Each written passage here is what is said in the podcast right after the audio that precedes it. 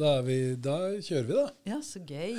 I dag er det jo ekstra moro at vi setter i gang med Kragerøpodden. Vi har jo fått uh, et helt uh, brennhett nytt menneske og navn Nå- inn i eh, ja. Nå ble jeg jo spent. Ja. Når du sa det sånn, ja, så ikke sant? Fordi at nå vet vi aldri hva som kan komme til å skje. Eh, vi har fått besøk av en kvinne. Hun er i Jeg vil tippe i eh, 50-åra. Hun er eh, Hun har to Hun har et fornavn satt sammen av to navn. Og etternavnet begynner på O. Yeah. Og det er altså Elin Anita Olsrud. Og du er den nye biblioteksjefen i Kragerø. Hjertelig velkommen til oss. Hjertelig velkommen. Tusen takk. Det er så hyggelig å være her. Takk, takk. Jeg trodde du skulle legge opp til sånn gjettekonkurranse. Nå, Marit, var det virka som at du skulle Men jeg er bare litt redd for at ikke vi hadde fått inn så mange svar. Ja, det, Ikke i dag, i hvert fall. I og med at vi legger ut ting eh, ja. Ja, Det, ikke sant? Ja. Ja, nei, Det var veldig gøy at du, du stilte opp eh, på det her, eh, og med en gang. Du var ikke noe i tvil om det, du? Nei, jeg syns det er så spennende med alt nytt som skjer rundt meg. Så Ja. jeg tenker en pod har jeg aldri vært med på. Da må jeg prøve det også. Ja, det er litt sånn Pippi Langstrømpe-stil. ja, ja. ja, Det er det. Mm. Men du har nok ofte vært uh, intervjua, kan jeg tenke meg. Uten at vi egentlig driver så mye med intervjuing. Eh, jo, jeg har vært intervjuet en del i aviser og sånne ting. Ja. Men, men jeg har jo intervjuet mest selv. Å ja, Ja. har du det? Ja, I hvilken sammenheng? Uh... Nei, jeg har hatt ganske mye forfatterintervjuer opp gjennom årene. Oh, ja. Jeg jobber i kulturbransjen, vet du, Ja. sånn at jeg har jo hatt mye forfattere på, besøk. ja. Som jeg har intervjuet. Og så har jeg holdt en del foredrag om diverse temaer. Ja. Mm. Så jeg er mer vant til å være på den siden. Ja. Ja. ja, ok. Det lover godt, syns jeg. Kan vi håpe på det at det fortsetter Eller det kan, kan vi håpe på det? At det fortsetter i Kragerø? Vet du hva, Det håper jeg inderlig, for da kjenner jeg sirkushesten i meg komme fram. Jeg må innrømme at jeg elsker å stå foran et publikum. Jeg bare rett og slett gjør det. det Oh, så bra. Da vet jeg, har jeg dratt fra min innerste hemmelighet allerede. Det her er vi Men ja, på, det her er bare så sykt bra, fordi eh, vi trenger et offensivt eh, bibliotek. Ja. Og, når vi, og hvis vi kan eh, få eh, disse her eh, gode forfatterne til å komme og dele litt om prosessene sine, så hadde det vært veldig gøy. Også hvis du liker å holde på med det, så er jo det megabra. Hva skal til? Hvor, hva gjør at de kommer? Nei, Først er det noe som heter eh, covid-19, som vi må se å få slutt på. Det var de, ja. Ja, det var akkurat det, vet du. Ja. Som uh, har rasert det meste. Som uh, vi alle er så preget av om dagen. Eh, som Ja, det er dritt, eh, altså. Det er noe dritt, rett og slett. Det er vel ikke noe annet å si enn det. Man blir bedre mer og mer og mer, og mer ut, Det hadde vært greit om det var ut av seg eh, sjæl i forhold til det. Altså. Det er det hadde greit, det vært greit om det var en, sånn, en person som eksemplifiserte covid-19, som kunne kunne bare ta Kan vi ikke bare bruke Trump til det? Hadde det Kanskje enda det, vært det? Ja. Ja. Men når jeg leser nyhetene som først overskriften er 'Trump haler innpå', og så stenger Oslo ned, Det er liksom den ene negative nyheten etter den andre. Hvor skal det ende? Liksom, nå er det liksom dobbelt opp nå om dagen. Så ja. For å kontekstualisere så er, sitter vi jo nå akkurat i eh, opptakende stund eh, og venter på at eh, resultatet skal tikke inn hvert Og vi har jo alle fulgt med hvert eh, minutt av dagen på valget i Snakk for deg sjæl, sier jeg da. Ja, jeg, gjør, jeg gjør det. Eh, Det er Daniel og Daniel. Alle Ja. sammen. Ja. Men så det er, derfor, det, er derfor vi er, eh, det er derfor vi snakker sånn om det. Mm. Nei, men så greit. Men, men etter at man er ferdig med Trump og eh, alt, Og all, all sykdom i verden, mm. så kan vi jo håpe på å få god besøk igjen, da. Eller hvis, hvis du får det som du vil. Definitivt. Ja, som jeg sier, det er jo en del av at jeg jobber i det. Kulturbransjen er nettopp det at eh, den gleden at du kan skaffe eh, flinke folk som har noe bra å si i forhold til hva de har skrevet, eller i seg selv som personer. Å se at publikum som sitter som tente lys og virkelig følger med, det er den aller største gleden jeg faktisk kan få. Ja. Og det er jo egentlig hovedgrunnen til at jeg valgte bransjen jeg er i. Ja. Og det er eh, Man tenker bibliotekar er litt sånn som bare sitter og låner ut bøker, men eh, for meg så var det akkurat denne utadvendte delen med eh, litteraturen i sentrum. At vi skal være Vi skal sprute av energi og, og ha arrangementer og ja, Det er så veldig veldig mye jeg kan si om det, men det kan vi kanskje ta etter hvert. Men det er i hvert fall det der mitt hjerte brenner. Mm. er rett og slett det at, uh, At vi må få Kragerø på kartet i enda større grad. For det må jeg presisere at jeg har vært positivt overrasket over hvilken fin litteraturby Kragerø er. For det var jeg vel ikke helt klar over. Jeg hadde ikke gjort hjemmeleksa mi da jeg kom hit. Så jeg er jo positivt overrasket Ja, over, over Ja, det er Ja. absolutt. Ja.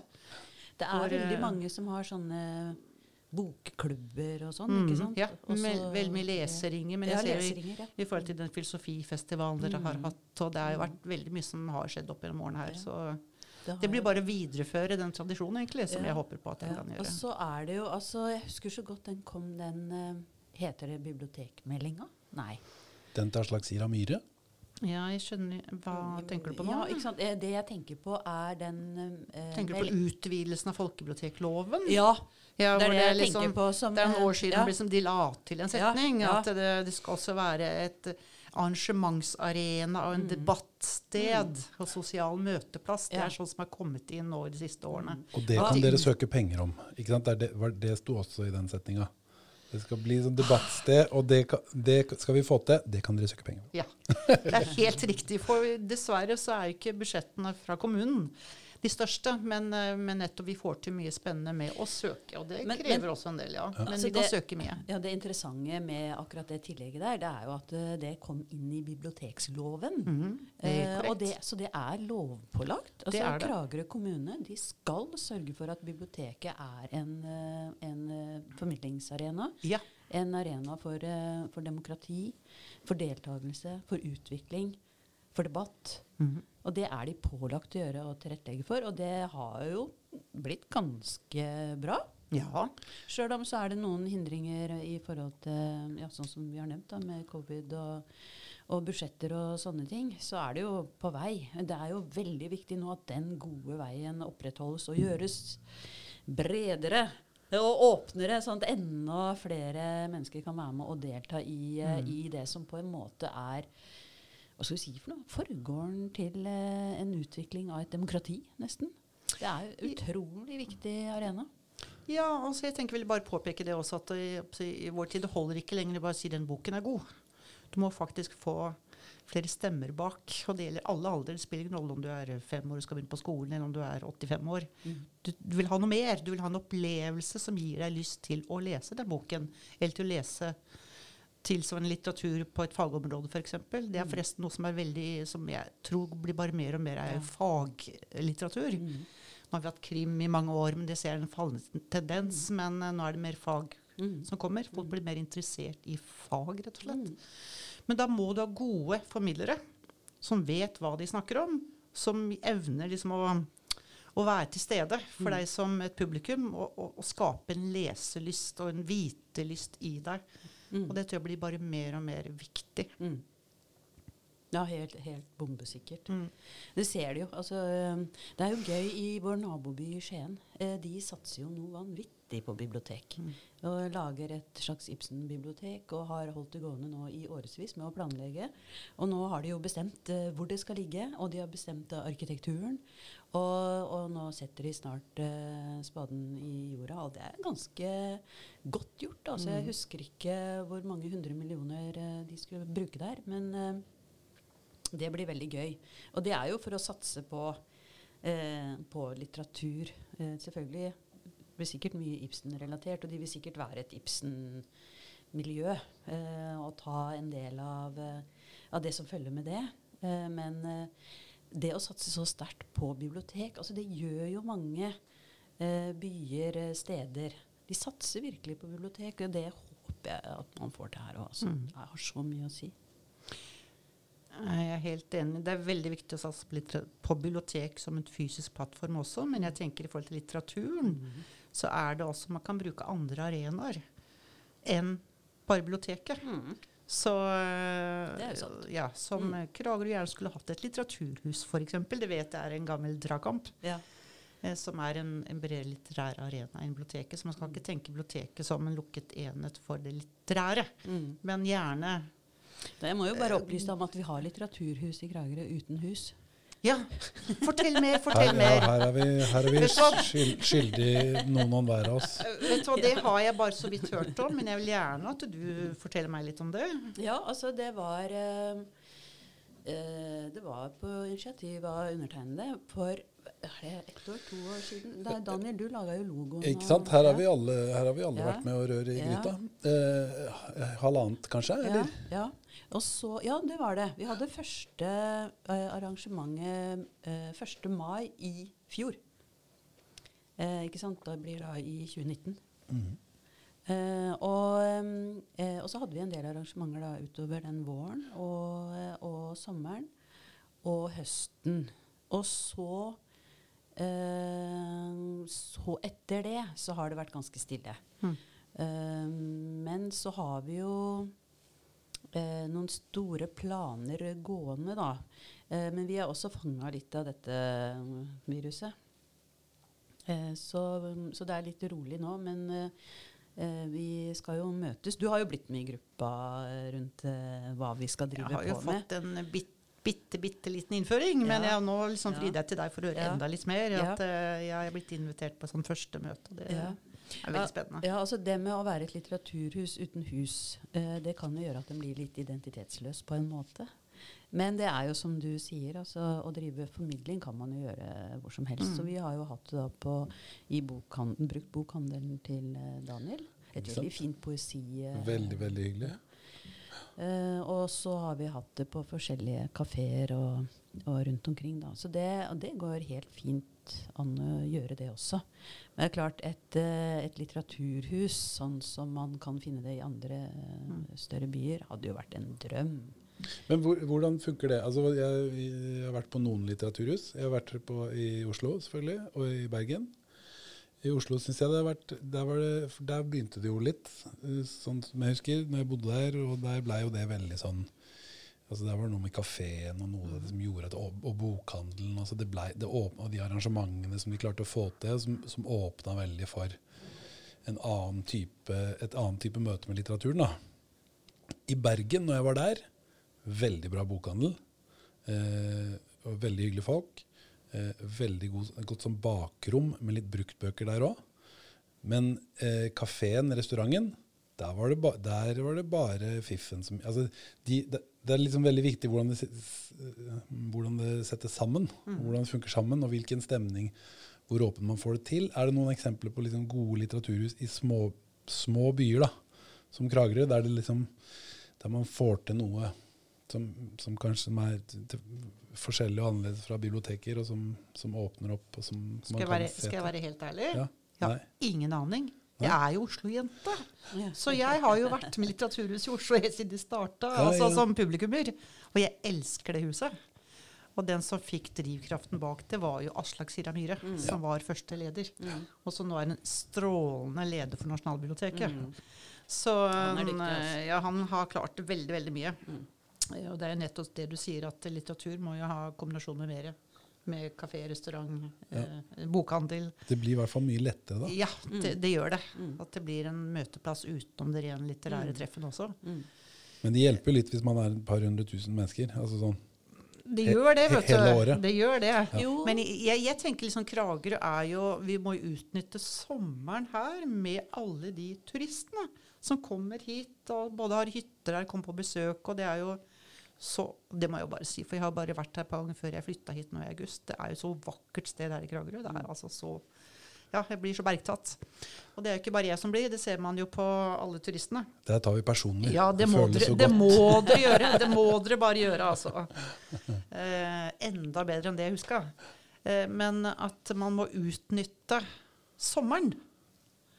Det er da alle drar på ferie, men da må det faktisk være krefter her i byen som utnytter sommeren, tenker jeg. Mm. Eh, men selvfølgelig ikke, ikke, jeg ikke glemme resten av året heller. Men at, eh, at eh, selv om det er lite Kragerø, det ikke er så mange som bor her, Mm. så hadde det definitivt vært plass til et litteraturhus her. Ja, fordi Men det er akkurat det, for at det er jo mange måter å utnytte sommeren på, og det kan, må man jo si om Kragerø at man i, på mange måter i aller høyeste grad gjør, og det er så det suser. Men det er jo akkurat, og det har jo vi snakka mye om, Marit, eh, det der med å hooke tak i noen av de kulturpersonlighetene vi etter hvert har fått nys om og kjenner til og har blitt kjent med. Og få de til å skjønne at eh, her må dere Jeg kan ikke bare komme hit og bade. Du må legge igjen et eller annet. Du må være med og bry dere og få til noe her. Kanskje vi skal ta og røpe eh, det som er på, på trappene, da. Skal vi røpe noe Ja, som men er det på syns trappene jeg du skal gjøre, Marit. Ja, skal vi ikke det? Ja. Det Altså, er verdensnyhet nå. ja, det var det var verdens. Vant Biden valg... Nei, det var ikke det. det var, Nei, men vi har jo vi har eh, tenkt litt på å lage en, eh, en litteraturfestival. ja, det var den. Ja, og det var da ikke sant, Det er der jeg kom på det her med å bruke de mulighetene som ligger i, i eh, sommerkragerø. Fordi det er jo veldig mange litteraturfolk, altså forfattere, forlagsfolk og andre som er i Kragerø-skjærgården på sommeren. Og det er jo da også et større publikum når folk er her om sommeren. Så vi har jo vært en liten gjeng som har uh, begynt å drodle litt rundt det, da.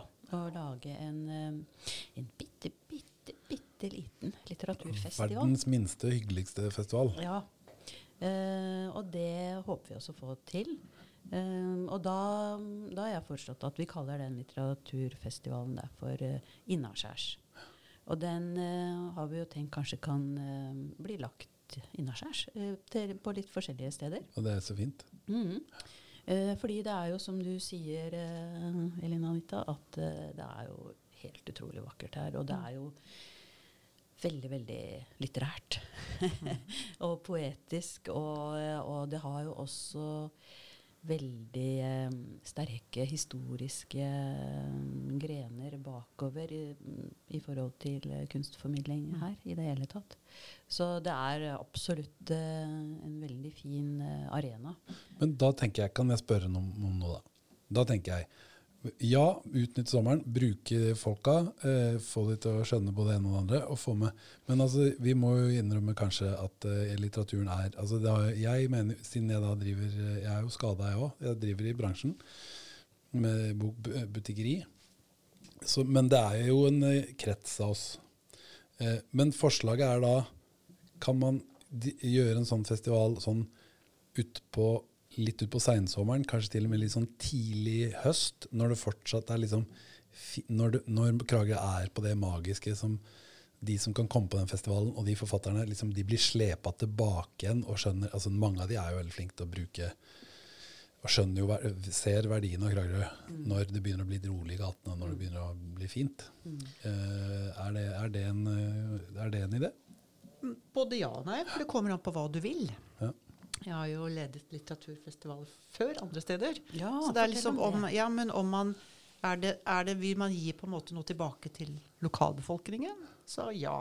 Så vent til slutten av sesongen i september. Er det noe man vil ha litt blest om i media? Altså løfte fram Kragerø, da? Kanskje også for å få nye innflyttere, eller i hvert fall skape en At Kragerø kan bli en sånn si, kulturkapital, da. Ja. Eh, så må du ta det på sommeren når folk er her på ferie. Ja. Du får ikke med deg Oslo-folk som akkurat har kommet tilbake og starta arbeidsliv og ungene begynner på skolen igjen til å komme tilbake pga. en litteraturfestival. Ja. Det tror jeg ikke. Ja. Så du må vite litt, tenker jeg da.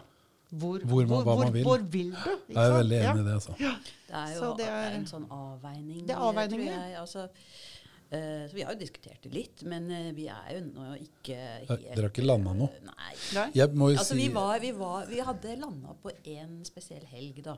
Men den har vi allerede flytta på. Så jeg mener at alt er mulig. ja. For jeg må jo si jeg, jeg synes jo, Min høyeste drøm for min, mi- mitt, uh, min geskjeft Ja. er jo å holde sånn som de gjør i seriøse uh, turistbyer. Venezia og Barcelona, f.eks. Ja, Sommerstengt. Sommerstengt, ja. Det vil jeg gjerne At man sommerstengt midt i fellesferien.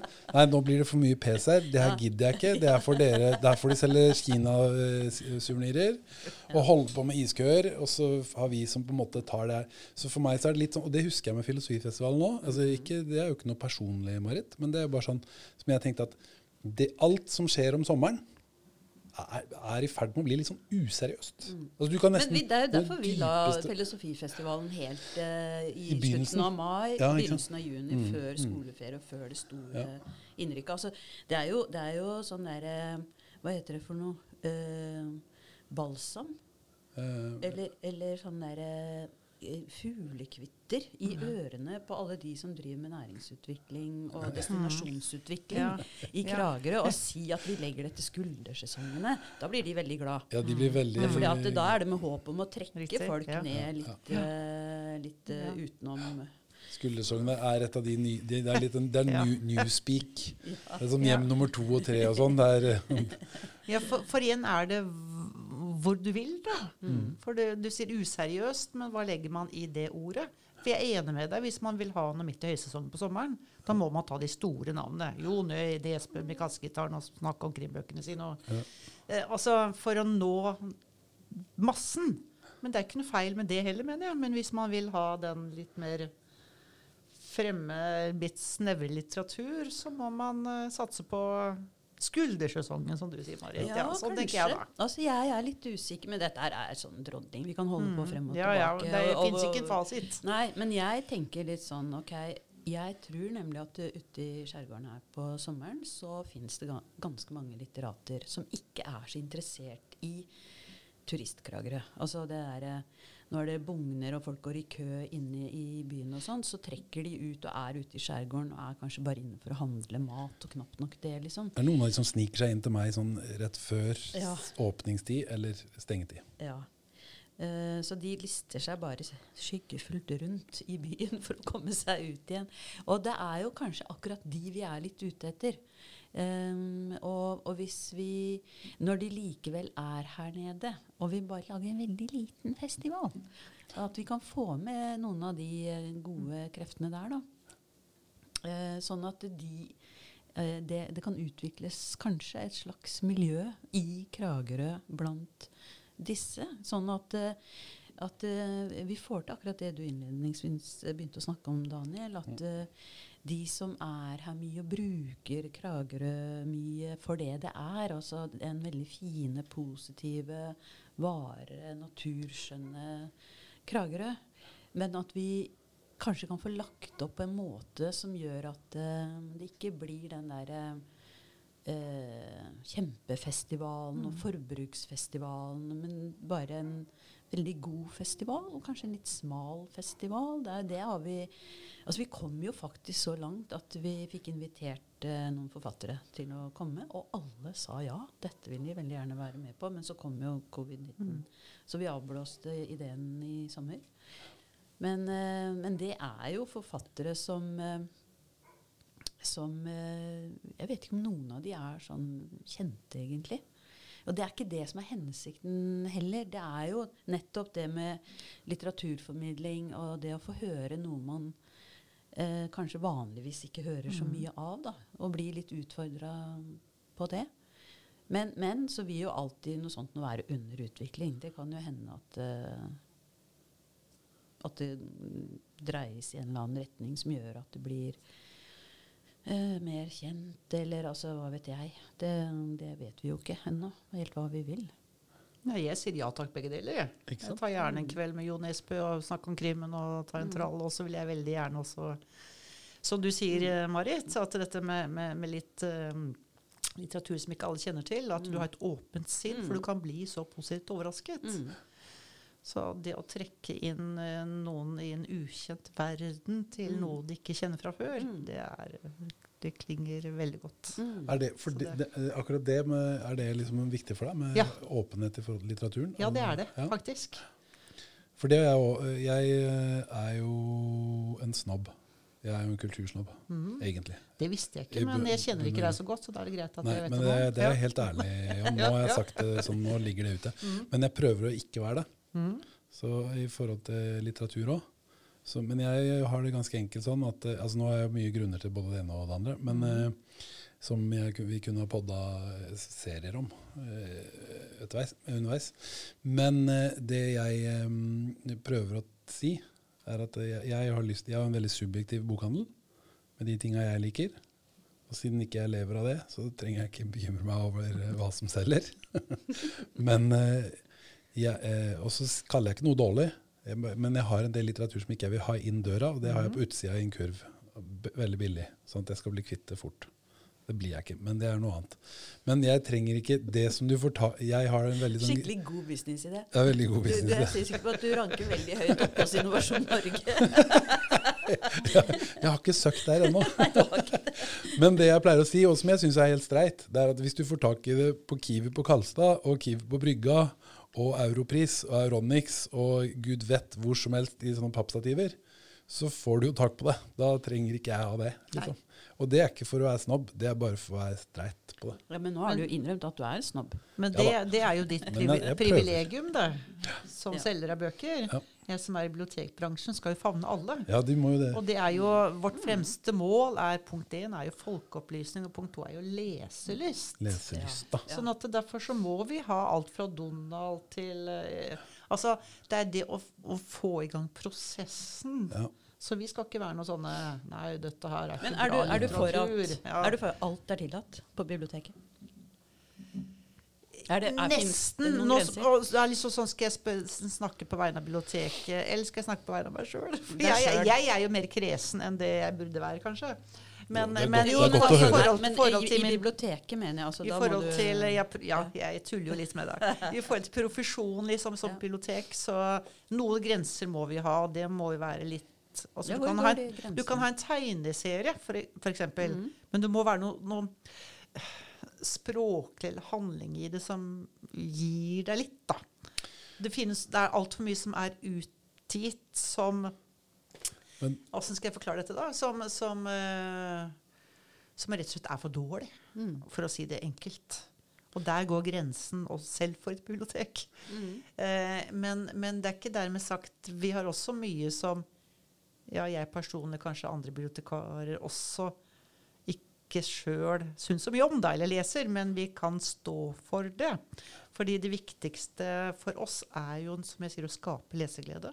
Hvis du først klarer å fange et barn med at det setter seg ned og, lik, og, og får det inn at de går, leser en tekst, så vil jo det gjøre at de blir bedre og bedre lesere. Og på egne vegne gå dypere og dypere inn i litteraturen. Det er vårt hovedmål, da. Ja. Mm. Hvordan går det egentlig? Leser barn bøker? De gjør det faktisk i forbausende og veldig lykkelig for det. Stor grad. Er det noen fryktelig flinke folk nede på biblioteket hos deg òg, vet jeg? Og spesielt som jobber med, mot, med, mot barn og med barnelitteratur. Absolutt. Det kan man Vi- godt skryte av en god del av det, andre, vi må skryte av alle som jobber på Kragerø bibliotek. Ja, er, Jeg er jo ny, så jeg har ingenting jeg skulle sagt. Jeg bare møter den flotte, profesjonelle gjengen som Ja. Er det noen som brenner for yrket sitt, så er det definitivt den gjengen som jobber på Kragerø Det er ikke bibliotek. troverdig når du gjør det. Jeg kan gjøre det, jeg. Du kan gjøre det. Ja, men jeg, ja, men jeg er litt troverdig, jeg òg, for jeg er såpass ny. Sånn at jeg blir Ja, bare er møtt av eh, den fantastiske gjengen, og det, det må jeg få lov til å si. Ja. Men det, det, må, det, kan jeg høre. følge Ja. opp. Her er jo dere, her er dere slagsider både til høyre og venstre. Det har vel i og for seg ja. Men, altså, du- men greia er jo at det, det snakkes mye om kulturhus og, og kultur i Kragerø. Men hvis det finnes et kulturhus og en kulturbærer i Kragerø, og en eh, demokratigarantist og en nyutvikler og en nytenker, så er det Kragerø bibliotek. Og det har vært tilfellet med de lederne som har vært der, og det har vært tilfellet med den drifta det har vært der. Til tross for eh, øvre ledelser og bevilgninger, kan jeg si, på helt tale for meg sjøl, så er det et tilfelle. Og de som ikke har fått med seg det, de kan kose seg med Big Brother, eller eh, det de, de kan fortsette med det. Og så kan de andre som har lyst til å se litt lys i mørket, komme seg sånn som de pleier, innom sine regelmessige besøk på bibliotek. Du, det er musikk i mine ører. Ikke du, sant? sier- du sier Derfor akkurat det samme. Jeg tenker det Ja. er fantastisk at du sier det. Tusen takk, Ja. må jeg bare si da. Ja. Men, og jeg sier jo det for at det er sant. Ja. Uh, ikke sant? Det er forskjellen på meg og andre eh, folk. Men jeg må si det også, i forhold til det du sa om tegneserieromaner, for der treffer du meg litt. Mm. Eh, og det syns jeg bare er viktig som en sånn liten parentes. Ja. Eller du sa ikke do- noe om tegneserieromaner, men det vil jeg si noe om. Jeg brukte ikke det ordet, men ja, Nei. det er greit. Ja. Men jeg eh, er jo en gammel tegneseriemann, og det kan man jo eh, Det er jo en veldig lett måte å hooke og få fatt i unge lesere, spesielt gutter, på. Og så er det et veldig veldig stort kunstfelt.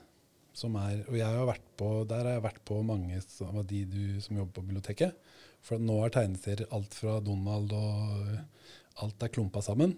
Og tegneserieromanen er en kunstform som er veldig kompleks, og som henvender seg til et veldig voksen publikum òg. Og der det er veldig viktig å skille. Og at det ikke er en sånn barne, det er ikke en barnekategori utelukkende. Fordi at det er ting der som er så komplekst. Det er ikke fordi det er eksplisitt på noen som er, altså nødvendigvis, det kan være det òg, men det er fordi at det er veld, på et veldig komplekst kunstnerisk nivå. Som, som, eh, og de som har fått øynene opp for, kunst, for, for tegneserieromaner, de har sett eh, det, at det er en kunstform som formidler historier og innhold på en måte som ingen annen kunstform kan. Altså, det er poenget med tegneserieromaner. For du klarer å du kan lese og forstå og eh, ta inn en, en tegneserieroman i løpet av en, en dag eller to. Eh, men det, er, det, er ikke, det, det gjør noe med deg som ikke film, som ikke litteratur. Altså det, er en sånn, det er en egen ting. Og det, er viktig, det har jeg masa på Astrid Lalland om, og andre som har jobba der. At her er det viktig.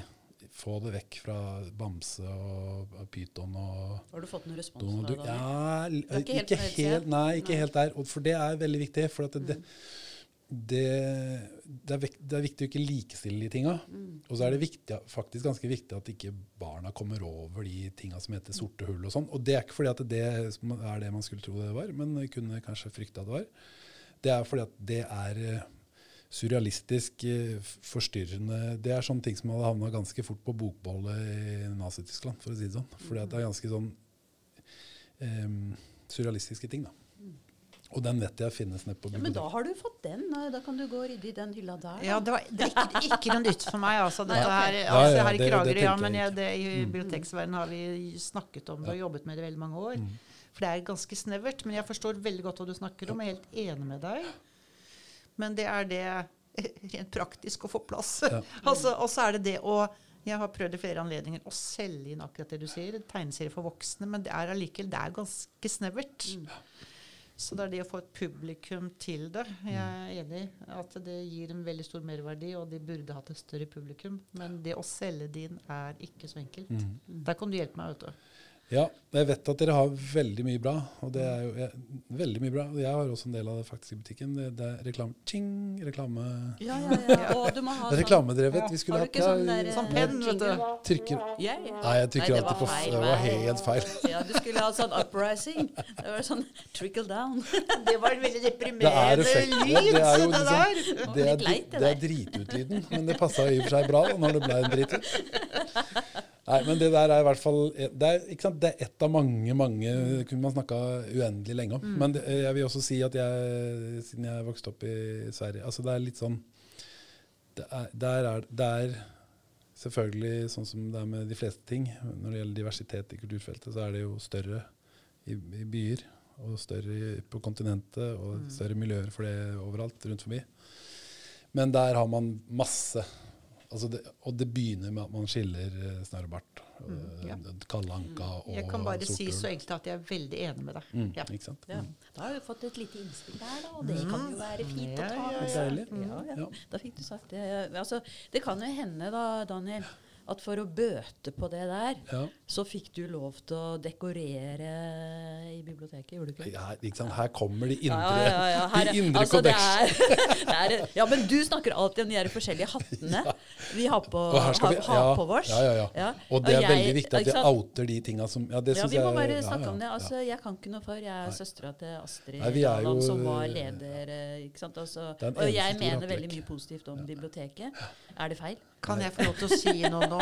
Og det Ja, men, er ja, men ikke sant det, ja. Unnskyld, Nei, jeg må bare si at jeg, nei, ja, jeg bare syns den er så fin, Ja, så. Daniel. Ja, det var bare det jeg skulle si. Ja, men ja. det var jo det jeg gjerne ville frem til. Ja. Jeg, har- jeg har malt i barneavdelinga på biblioteket. Det er, det er det Vi må presisere ungdomsavdelingen. Ungdomsavdelingen. Det er der du har malt, ja. Er der Her har må det være riktig kategori. Ja, det, nå skal Nå har du akkurat drevet Ja. Ja, og det, det, det, det, det er helt riktig. Her må vi visste det egentlig. Det var jo det første jeg gjorde i eh, covid-lockdown-tida, faktisk. Det var, det, var den, det var den tingen jeg hadde å gjøre da når jeg måtte lukke butikken. Og det var Men det er ikke, Det er ikke lenger siden, Nei, nei. det er ikke Oh, nei. Det var rett før du kom. Ja, altså jeg tror det var sånn at uh, Astrid, eller biblioteket, da, klarte å finne noen midler. eh, De søkte på noen midler.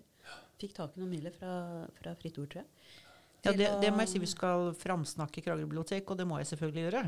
Og de ansatte der. At eh, når det gjelder å søke midler til å få til ting, så er det jo Den stabben er jo bare helt fantastisk. Jeg har ikke vært borti tilsvarende noen gang jeg, i det mitt lange bibliotekliv. Ja, ja, og At det var Kragerø bibliotek får til. Ja. Ja. Ja. Eh, Men, eh, men eh, Daniel, Ja. du må jo fortelle mer om kunstverket ditt på? Kragerø bibliotek. ja, ja. Ikke sant? Hva er, Nei, hva er motivet, og og hva er motivet? Folk kom, må komme innom og se. Ja, å ja. Nei da, jeg, jeg tenkte at um, Nei, akkurat da Man må la kunsten snakke litt for seg sjøl, syns jeg.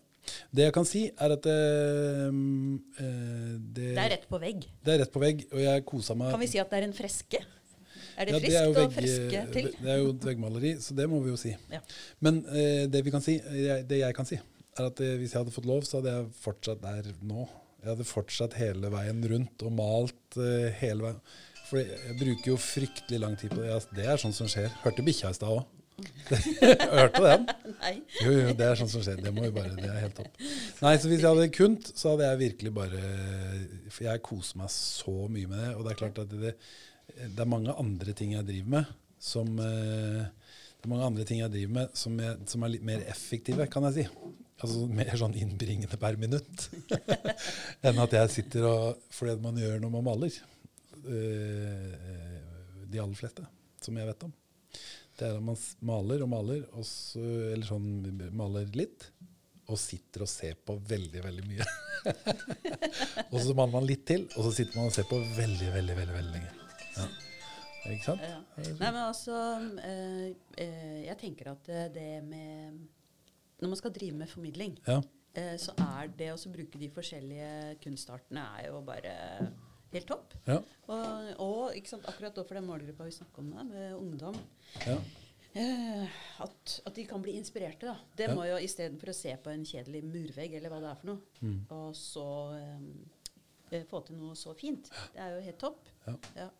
Nei, det, det er jo det er klart det. Altså, det er det man også gjør. Man, man tenker seg jo noen, noen ting når man maler, og når man får et sånt oppdrag. Mm. Så er det klart, det er jo det er ikke uten grunn at man velger det man, man velger å gjøre. Mm. Det var, det var, jeg tenkte, begynte lurte på om det begynte å brenne igjen nå. Nei, vet du hva, jeg beklager, men, men jeg, jeg klarer ikke å skru av mobilen. For, Nei, er jeg, for jeg husker ikke koden! Så, så det, er min, det er min kjære mor som ringer meg, så jeg får bare ringe henne tilbake. Men bare ta den hvis det er viktig. Ja, Nei da, nei da, jeg skal ikke gjøre det. Men du, altså, du snakka nå om at du har jo et langt bibliotekliv. Du er jo ikke, eh, du har jo ikke et, Du er jo ung fremdeles. Åh, oi, Men- oi, oi, ja. Men, Men, men, men, eh, ja, fortell. Altså, eh, jeg var og hørte på deg når du fortalte fra Svalbard. Mm. Og det må jeg si, det var veldig gøy. Altså, du har, hvor lenge var du der oppe igjen? Var det, jeg var der i syv år. ja? Mm. Og så jeg ble veldig sånn, eh, imponert over at du har hatt tre sånne snøscootere. Ja. Yeah. Men Det det, er må man, oss, det ja, må ja, ja, man ha ja, på. Svalbard, eller? ja, man bør egentlig ha tre samtidig. Ja. Ja, det er sånn. Og våpen. Og Ja, og våpen. det er det første du må Ja, skaffe du må det. Ja, ja, ja, det må du. Det er ikke bare sånn tull engang. Det må du ha. Eh, Så Nei, skal jeg fortelle om mitt Svalbardliv? Er det det du Ja, er ute altså, etter nå? ja, ja, altså, Fortell om snøscooterne. Hvor mange timer har dere? Hva har dere? Skal vi se. Ja. Hvor lenge var du der eh, totalt? eh? Syv år. Syv år. Ja. Eh, av en eller annen eh, grunn som ikke Jeg sier hele familien min er jo fra sørafor Sinsekrysset. Så hvorfor jeg har drømt om Nord-Norge fra jeg var ung, det kan jeg ikke forklare. Men, eh, men det har jeg gjort. Så enten Finnmark eller Svalbard, tenkte jeg. Det, litt må jeg bare. Og så, ja. Så går jo livet seg til med giftermål og unger og slike ting. Så, men i det øyeblikket Da hadde jeg vært skilt for lengst, men øyeblikket min yngstemann flyttet hjemmefra, så var det utlyst en ledig stilling som biblioteksjef i Longyearbyen. Og jeg søkte og fikk den. Det er litt sånn meant to be, tenker jeg Ja. altså. Det er deilig. Ja. Og, ja, så Ja, bra. og, men allikevel er jeg en forsiktig person da, på én side. Sånn at jeg fikk jo bare permisjon fra min daværende jobb i Oppegård rett utenfor Oslo-grensa. Det var der jeg bodde. Uh, og skulle bare være der et år for å oppleve eventyret. Og så ble det året til da syv år. Ja. Så advarsel til alle dere som drar opp for å bo der, så, så går så er det så fantastisk å være der at årene bare flyr. Men ku, kunne det ha blitt lenger? Eh, ja, altså Det var ikke det at det, liksom, det dukka opp det. 'Nå har den jobben ledig i Kragerø, så nå må vi bare hive oss over. Altså, gutter, nå må, ja. Ja, ja, ja, ja, ja, ja, ja, det var bare I derfor, ja, biblioteksverden, ja, ja. i Fagbladet, ser jeg for meg. 'Nå er den ledig i Kragerø'. Bare søk på den. Det er helt utrolig. Nei, eh, det blir jo altfor lenge å gå inn på, så det skal jeg ikke gjøre her. Men, men nei, det er jo noe med at vi sier at gjennomsnittstiden man er på Svalbard, er rundt fire år. For det er jo fullstendig isolert. Du kan ikke dra til nabobygda for å oppleve noe annet. Og, og du har jo en lang mørketid, og du har langvarig kulde. Og det gjør noe med deg. Sånn at eh, jeg kjente en metning, da, rett og slett. Fordi eh, For meg som jeg er fra Oslo, så var det det å møte var rett og slett et eventyr. Det var det jeg var ute etter også. Oppvokst i fjerde etasje i en blokkleilighet ikke sant? med veldig unge foreldre som ikke dro meg med noe ut på turer og sånne ting. Så det var, jeg ville møte motsatsen av det som jeg fram til da hadde opplevd. Så jeg ville ut på tur, jeg ville oppleve kulde, jeg ville oppleve mørketid, jeg ville oppleve det ekstreme. Og så hadde jeg også sett en del programmer på TV om det sosiale liv der oppe, som jeg syntes var utrolig besnærende. Det at det er så lite og lukket, og at på tvers av alder, kjønn, utdannelse, så er det hvem du matcher med eh, på kjemien. Det er det som betyr noe. Og det, og det er vel det sterkeste i etterkant, er jo nettopp mennesket. Da. Det er jo så det ofte er, da. At, eh, at eh, de sterke møtene man har med mennesker, uavhengig av, som jeg sier Her er På fastlandet, i hvert fall i Oslo, så er det så Det blir så homogent. Og det var så befriende å møte folk fra, også fra hele Norge, da. Og som jeg sier eh, Det spilte ingen rolle eh, kjønn, alder, hva du jobbet med, og hvor du var fra. Og det syns jeg var eh, utrolig deilig. ja. Eh, Men, eh, men nå snakker jeg meg bort, vet du. Men, Du eh, du blir helt sånn salig i blikket her. eh, ja, jeg, jeg blir det, vet. For jeg blir helt sånn Jeg, jeg, jeg er altså fremdeles, og det vil jeg alltid Altså, jeg er så utrolig takknemlig, rett og slett. Det- at, eh, at jeg fikk lov til å komme til Svalbard og få oppleve de syv årene. Og, og jeg kunne ha blitt der lenger, for jeg hadde en fast jobb, så jeg kunne ha blitt der ti år til. Men det er noe med at jeg har et familie her nede. Jeg har to barn, jeg har to foreldre, og jeg har også venner selvfølgelig fra oppveksten som jeg vil ivareta. Så summen av det gjorde at jeg tenkte Kragerø, vet du. Der er Nei, men altså, jeg, jeg tuller litt, men, men det viktige for meg var faktisk at det måtte være et vakkert sted, rett og slett. Jeg er en estetiker. Det er jeg. Og selv om ikke alle er enig med meg, så syns jeg faktisk Oslo er veldig vakkert. Og jeg syns Svalbard er vakkert, og jeg visste, for jeg hadde vært der før, at Kragerø er veldig vakkert. Og så er det nære sjøen. Jeg tenkte, for jeg har hytte som jeg har arvet fra, som er i Innland på Hedmarken. Flott å være der en gang iblant, men jeg kunne aldri ha bodd i Innlandet. Men det er jo meg, da. For det er noe jeg tror man blir preget av sin oppvekst også. At jeg har vokst opp ved Oslofjorden. At det er Hvis man først, først, først er vant til det, Mm, så må man være nære sjøen. Tror jeg, da. I hvert fall. Sånn, sånn er det for meg. Ja. Eh, ja. Men ærlig talt, eh, mm. eh, var det ingen som når du, når, du sa, når du nevnte Kragerø første gang, var det ingen som sa det? Ja, bare hold deg unna det. greiene. Det nytter ikke. altså. Kommunen er helt fucked. Var det ingen som sa det? Ikke et menneske Var det ingen som advarte det. deg? Og alle bare sa å ja, ja, men hvis du først skal flytte til Svalbard, så måtte det selvfølgelig bli Kragerø, sa alle. ja. Men det var jo fordi Ja, men det henger sammen på et vis. Ja, vet du hva, det, hva det er så rart at det i enda større grad enn det jeg hadde tenkt, så er det likheter uten at jeg klarer å forklare det. For det første er det lyset. Det har jo også vært valfartet kunstner all sin tid til Svalbard pga. det spesielle lyset, og det har det også her i Kragerø. Pga. det spesielle lyset. Og så er det dette med sjøen, at det er litt værhardt, selv om jeg ikke har opplevd det nå i høst. Da, men eh, at det er litt med vind står rett inn eh, fra sjøen. Eh, og så er det også noe med eh, små At det er en småby. Og det er det i enda større grad enn det jeg hadde forutsett. Og det tror jeg rett og slett er de 20 minuttene det tar å kjøre fra E6, eller E18, heter det vel, Mm, ned hit. Så er man liksom litt sånn isolert her også, rett og slett. Eh, jeg, dere er sikkert bevisst på det, dere, men jeg var ikke det i hvert fall, før jeg flyttet hit. At eh, det blir en sånn alle kjenner alle-mentalitet her som ikke jeg hadde forutsett. da. Som gjør at det, det er likheter med Svalbard. Ja. Men akkurat det med det sosiale og sånn som du sier i forhold til menneskene og sånn, der, hva syns, hvordan syns du det ligner? Jeg er for ny enda. Ja.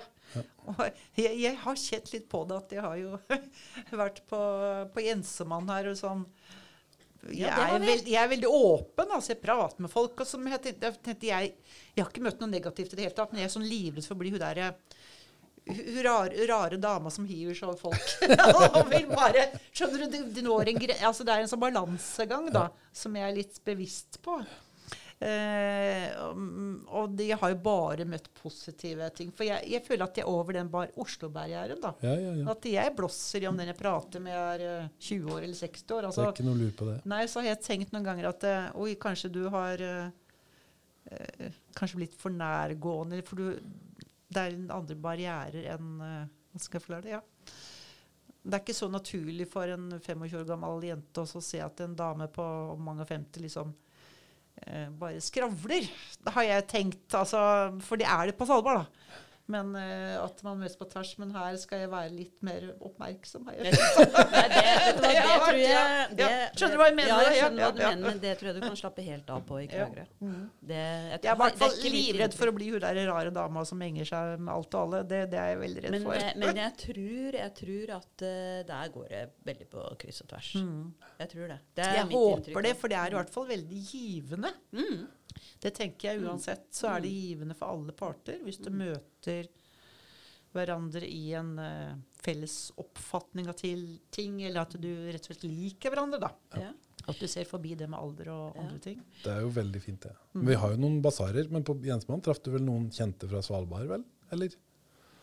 For der er det jo, der er det daglig leder nå som også har gjort plikttida si på Svalbard, vet Ja, jeg. det visste jeg ikke. Mikael har, har vært eh, på Svalbard i to omganger i noen år, vet jeg. For jeg har Ja, bare og det er jo flere som har jobba i Ja. det der eh, utelivet i Kragerø. Altså Jensemann Ja, ja. Stoppenhall som har hatt uh, opphold der oppe. For det har jeg bare hørt at den og den og den har bodd på Svalbard. Men jeg har ikke møtt de selv. Nei.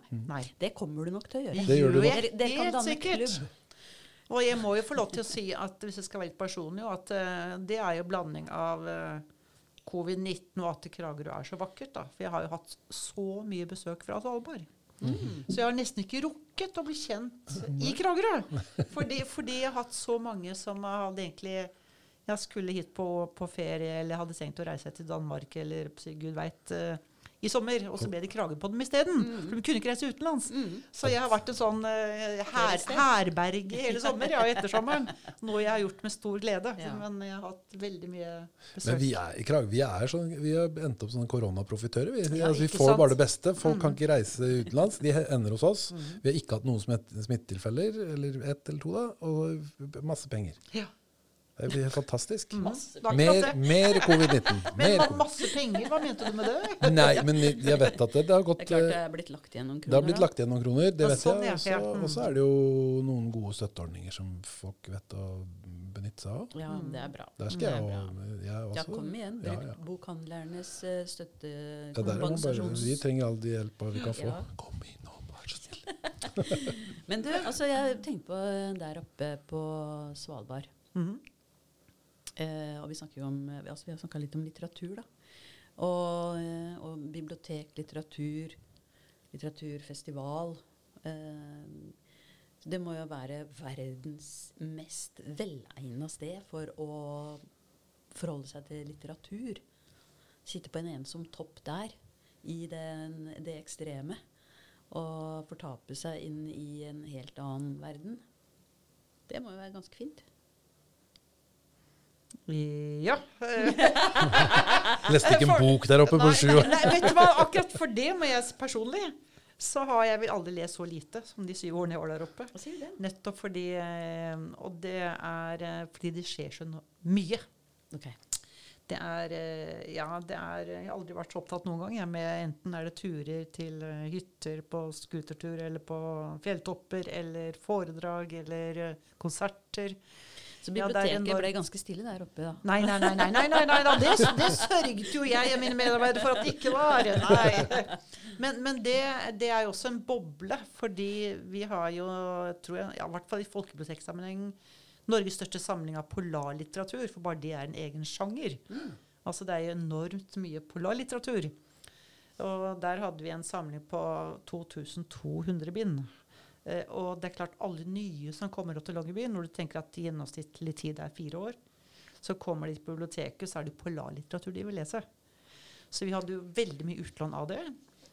Og, og vi har jo også mye guider, og mange på, vi har et universitet der oppe som er mye studenter. Så, så det var veldig mye polarlitteratur det hele handlet om. Så akkurat det var en befrielse å komme ned til fastlandet, hvor de hadde hvor folk var interessert i den ordinære skjønnlitteraturen. For det var det ikke der oppe. Det var bare polarlitteratur for alle pengene. Ja, stort Ja, det er jo interessant. Så det var jo mitt hovedmål når jeg satte i gang eh, litteraturfestival der oppe i 2017. Når jeg ledet fram til jeg flyttet nå i sommer. Eh, så var det det å fremme den allmenne litteraturen. Både på fag- og skjønnlitteratur. Litt sånn presse det i, ned i hodet på folk der oppe som var stort sett Enten så skulle de ut på tur. Hadde de litt fri, så skulle de lese polarlitteratur. Så jeg tenkte her trenger de litt oppdragelse, tenkte jeg da. At de må også få litt innblikk i den ordinære, altså skjønnlitteratur. Jeg er veldig spent på hvordan det gikk. Hvordan, Vet du hva, Det gikk så bra, men jeg må jo lokke og lure litt. vet du, og det vi gjorde. Og der tenker jeg at det, sånn sett var vi altså, Vi snakker om skuldersesong som de gjorde i fjor. da. Og det er vi spilt på lag med lokale næringsliv der, for der er det også veldig sånn turistbasert. At vi la bevisst litteratur, nei, litteraturfestivalen til september hvert år. Fordi da var den store sommersesongen over, som det gjelder her også. Og dette skulle være en festival for Kragerøs Nei, Longyearbyens innbyggere, primært. Og de også, også, men vi fikk jo alltid opp både forfattere og noen gjester, og at for å fylle hotellene så var det liksom en sånn give and take. så bra. Eh, og, og det at vi ville jo løfte Og for å, ja, som jeg sier, lokke Longyearbyens innbyggere som bare leser litteratur, så måtte vi tilby noe mer enn bare et biblioteklokale. Så vi hadde jo det på puben. ikke sant? Mm. Du kan tilsvarende Jensmann her. så hadde vi hvert, Hver kveld hadde vi jo forfattersamtaler. Vi hadde på restauranter. Vi hadde det liksom rundt omkring. Det er det jeg tenker at som du var tilbake, eller snakket om i stad, det er et litteraturhus. Jeg er helt enig, men man må ikke si at man må ha det, for det er jo det å løfte opp litteraturen. Mm. Det er jo folk ferdes, ja. Å, dette var Ja, det er en sånn tale. Nei, men jeg, Men, men altså, ja. Mm. sånn at det var vårt eh, konsept helt fra starten Da, Mm. At det skulle være mange fle forskjellige steder rundt omkring i byen. Mm. Og gjerne at du starta et sted hvor du spiste middag, og så gikk du for å ta en øl etterpå. Da gikk du der og hørte på noe mer, og så Ja. Så øh, det var øh, ja, et konsept som øh, har levd i hvert fall de fire årene jeg har vært der oppe. Som Mhm. jeg har nå god arvtaker der oppe som har fortsatt med. Men jeg, Så, kan så tenke meg, veldig fornøyd med det. Ja. Ja. men jeg kan tenke meg at det funker veldig bra, for Ja. det vil jo folk gjøre. De vil ut og spise, og de vil Ja. ut og drikke. Riktig. Men sånn når de kommer hjem, og dagen etterpå, husker de at det, var en litterær kontekst på det? Eller var det bare den gode maten? Altså, Det- det tør jeg ikke å si helt sikkert, Nei, det er det. Det. Men merker man det på noen måte på leselysta, på liksom utlånet, eller på For, for det jo Litteraturen har jo sine utfordringer. Vi sliter jo. Vi, vi, gjør jo, vi må jo innrømme Jeg pleier å si det når folk er innom butikken min og si, oi, sier 'Å, her var det fint'. Mm. Kjøp en bok, da vel, og hold kjeft, pleier jeg å si da. Eller nei, jeg pleier ikke å si det, men jeg kan si det hvis jeg er på dårlig humør, eller eh, hvis jeg er i det hjørnet. Men eh, eh, jeg pleier å si det at eh, når internett har bevist sin eksistens med noen par hundre år til, så skal jeg begynne å melde overgang totalt. Men foreløpig så har liksom boka 800 års forsprang, eller Mm. mye der. Men uh, samtidig så er det sånn at uh, det er ikke alle som er enig med meg, åpenbart, om det. Men jeg forstår veldig godt hva du snakker om. Jeg er helt enig med deg. Og, og, og jeg har også sett effekten at det er ikke sikkert du husker så mye dager etterpå. Nei. Men det er noe med Jeg tenker alle drypper hjelper, da. Mm, ja. Hvis du ikke drypper i det hele tatt.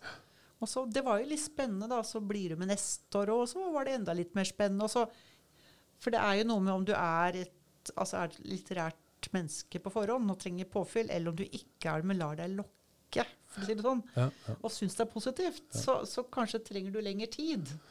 Men det som er det aller, aller viktigste var for meg, i hvert fall i Longyearbyen, var i forhold til det, da, var at det var vårt mål hele tiden at det skulle være for alle aldersgrupper. Så barnehager og skole fikk like mye som de voksne. Og der så jeg en større effekt Blant barna. En, ja, blant Ja, barna. Ja. At hvor enormt mye det betyr å møte en forfatter som er en god formidler. Og da så vi virkelig etterpå hvor mye flere utlån det var, og hvor mye mer snakk det var om de bøkene som ble Det er gøy. presentert. Ja. Det er Ja. gøy. Ja. Så det var liksom Mm. desserten. Mm. Nei, for det er jo veldig ofte altså det, er jo det, det er jo en stor litterær debatt.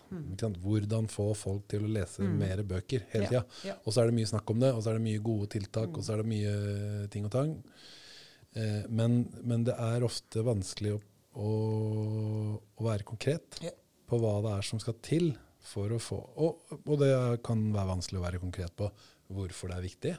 Altså, det er jo Hele litteraturfeltet er jo som kunstfeltet generelt. at det det har jo en tendens til å være litt vidløftig og abstrakt.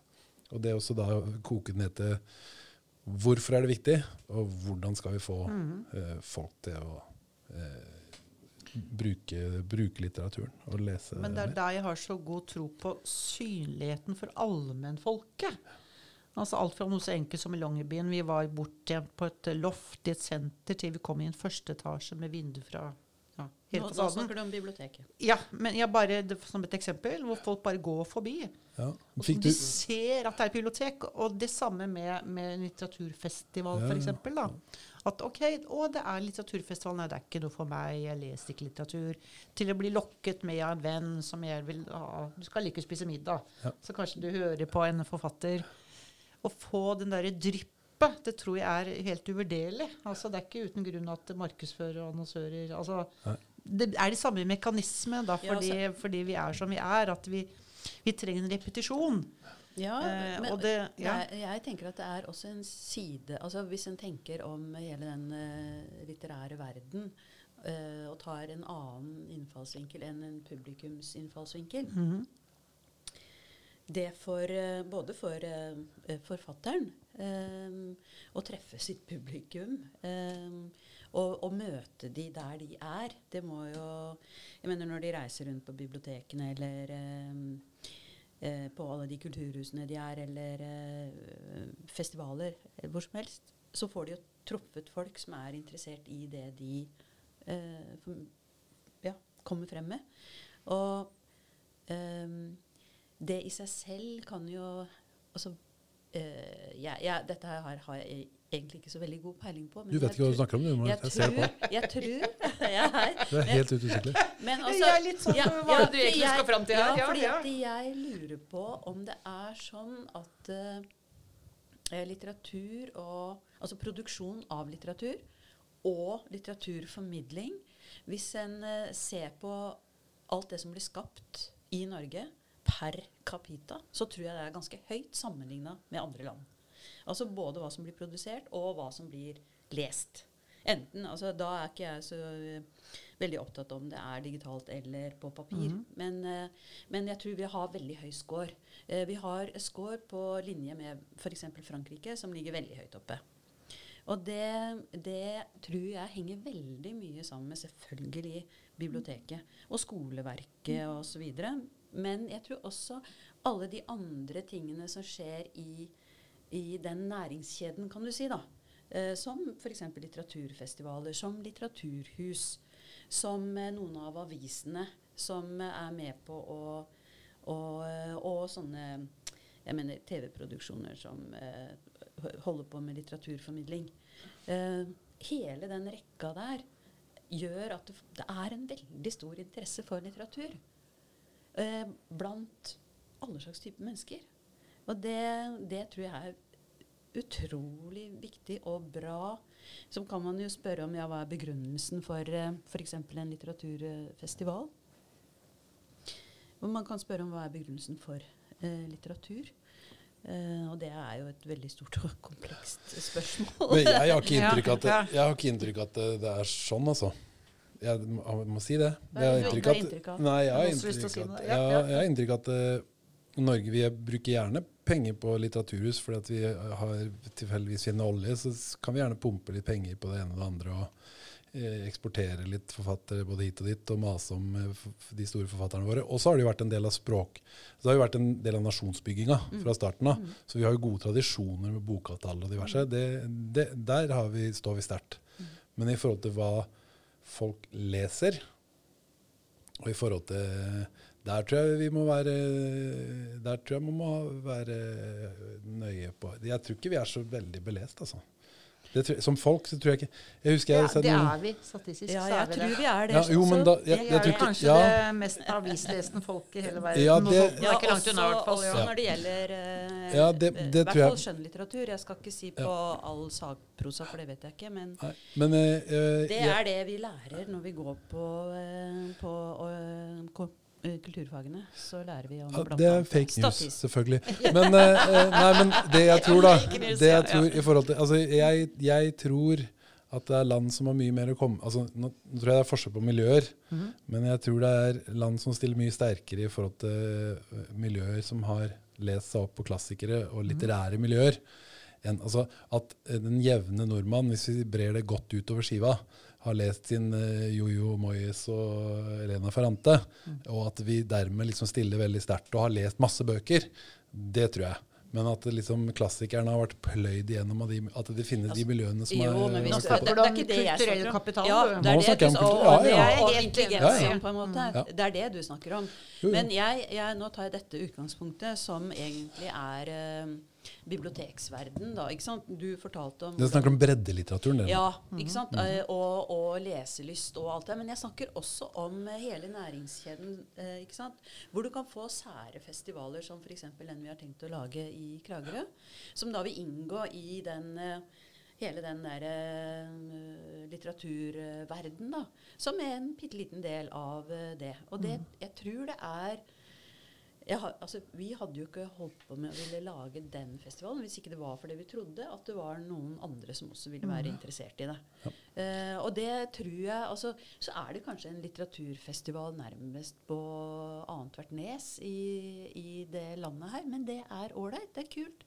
Det er veldig bra. Ja. Men jeg har bare lyst på et sånn lite innspill til det du sa om næringskjeden. For det er sånn Altså, vi er jo et lite språkområde. Og norske myndigheter er jo veldig oppmerksom på at vi skal bevare det norske språket. Og det er veldig positivt. Men også ut, det gir seg også utslag i at vi har veldig gode støtteordninger for utgivelse av litteratur i Norge. Så en brannfakkel fra hvert fall eh, fra meg, men ikke fra den kulturelle verden, men er jo det at det blir gitt ut altfor mange bøker i Norge. Også støtteordningene er for gode i forhold til Jeg tenker eh, Det blir gitt ut for mye litteratur nettopp fordi støtteordningene er for gode. Hvordan skal jeg si det? For jeg em, Mener du at mye av kvaliteten på det som blir gitt Ja. ut, egentlig ikke Ja. Det er så ikke, dårlig det er det ikke bra nok. Riktig. Ja. Ja. Kan jeg prøve å hjelpe der? ja. Gjør det. Gjør det. For nå klarte jeg ikke å finne ordene, så hvis du kan hjelpe Nei, men meg det er ja, klart ja. at en bransje som har hatt helt spesielle De er, de er jo en av de f eneste bransjene som har hatt lov til å drive kartellvirksomhet. Mm. Altså Og hatt enormt gode avtaler bestandig. Til gavn for oss alle. Mm. For språket, for nasjonen og for litteraturen. ikke sant? Eh, har begynt å ansette eh, toppsjefer fra næringslivet allment, og har begynt å utnytte disse ordningene, som fra før av er gode. Og som jo eh, er, Det er noen eiersammenhenger der som er ganske skumle. Og det var jo ikke mer enn et par år siden som de fikk sammenlagt noen hundre millioner i bøter for prissamarbeid og skvising av markedet. Og at de har begynt å tyne eh, bokavtalene sine såpass at, eh, at myndighetene har begynt å si at nå må vi begynne å se på de avtalene. For det er ikke, funker ikke. Og det tar seg jo alle mulige slags uttrykk i forhold til litteratur. Fordi de hauser opp og selger eh, og, og eh, liksom Hvis eh, Jens Stoltenfjert har vært på en fjelltur, så kan han godt skrive en bok om det. Og hvis du har sluppet en plate som tilfeldigvis har solgt til platina i Norge, så kan du slippe en bok om at du har samlet på frimerke. Altså, det- Og det vet de at de kan pushe ut på Kiwi og rundt forbi, og få masse penger igjen for. Og så eh, hevder de at det er litteratur. Og så peker de på bestselgerne, og så sier de at det, hadde det ikke vært for dette, så hadde vi ikke kunnet gi ut den smale litteraturen. Og da må jeg si at jeg gikk på Aschehoug forfatterskole for noen år siden.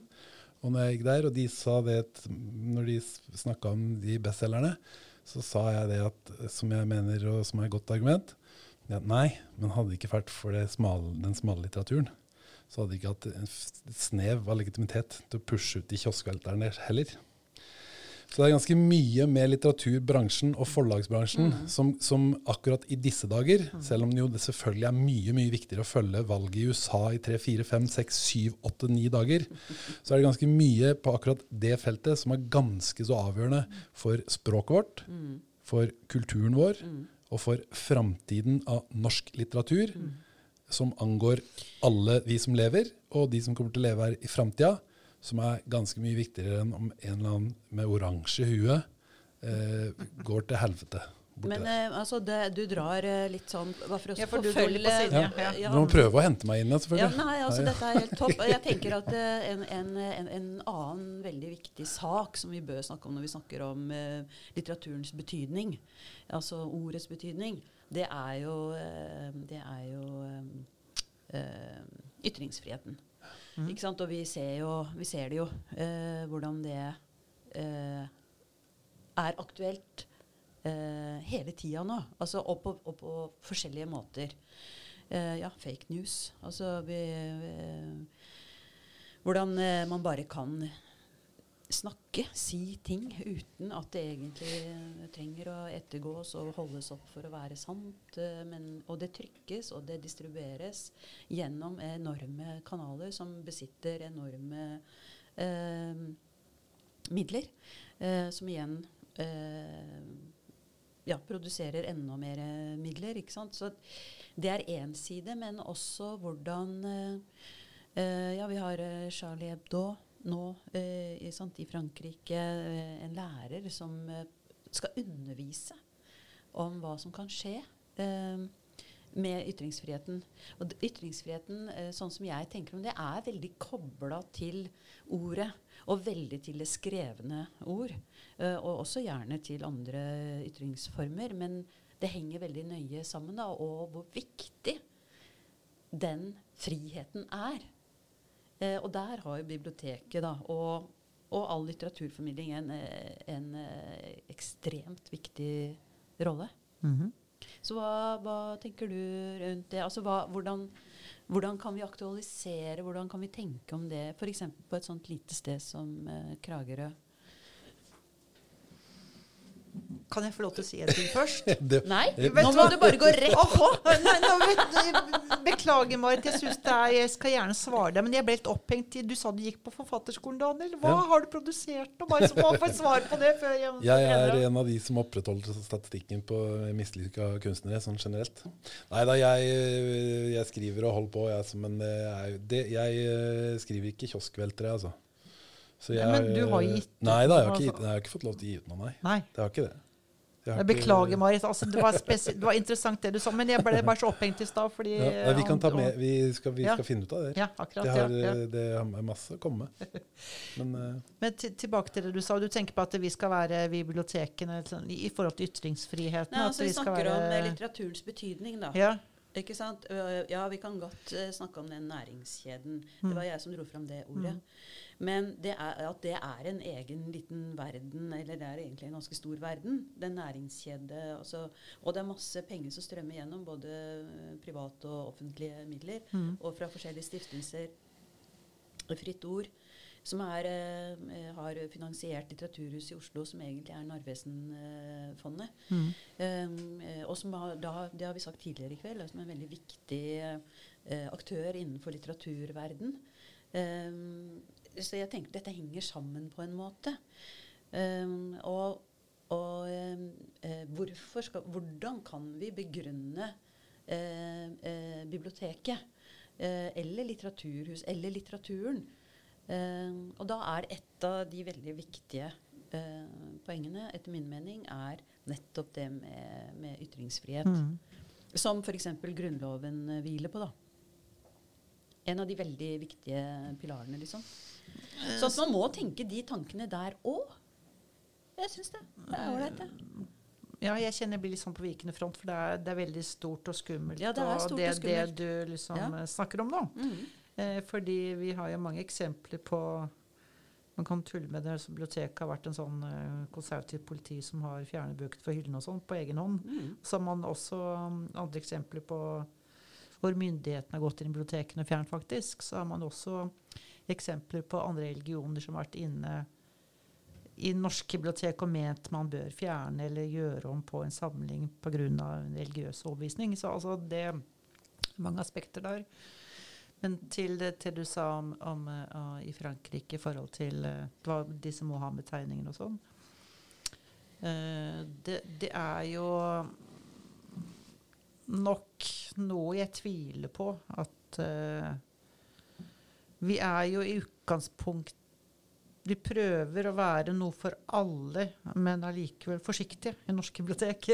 Og det vil nok bli opplevd Tror jeg, nå er jeg veldig på vikende grunn, fordi jeg føler det blir hva jeg sier i forhold til hva andre kan si noe annet.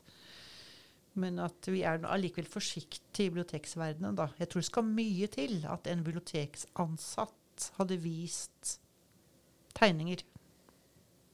F.eks. så konkret av Mohammed. Altså å være Å uttrykke egentlig, Det var bare et eksempel, men noe som helst religiøst eller sterkt politisk. Det tror jeg er Men at dere er, har det eh, er- i, i bokhyllene? i, ja, ja. Altså, vi skal jo være et uh, Sataniske no- vers er, eh, Ja, er representert Ja, i det, det, samlingen. er, det er det. Ja.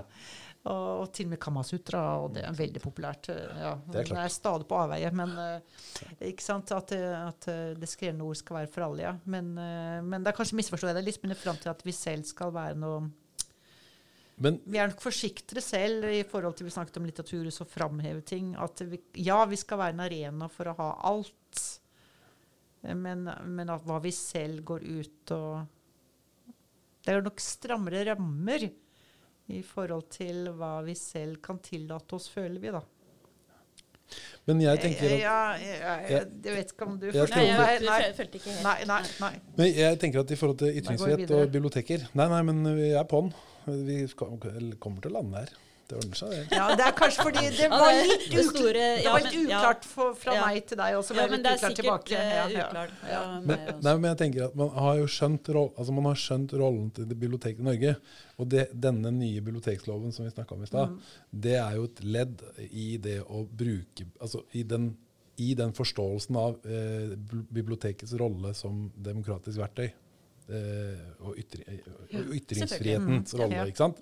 I en nasjon. I, og det at man liksom mer åpent. At vi, at vi har tilgang på biblioteket hele tida. Og eh, det her, eh, den likheten og den på en måte åpenheten for alle. Og eh, de utøka tilbuda som er der i forhold til arrangement, i forhold til utlån. i forhold til, altså Man har skjønt at dette er en arena.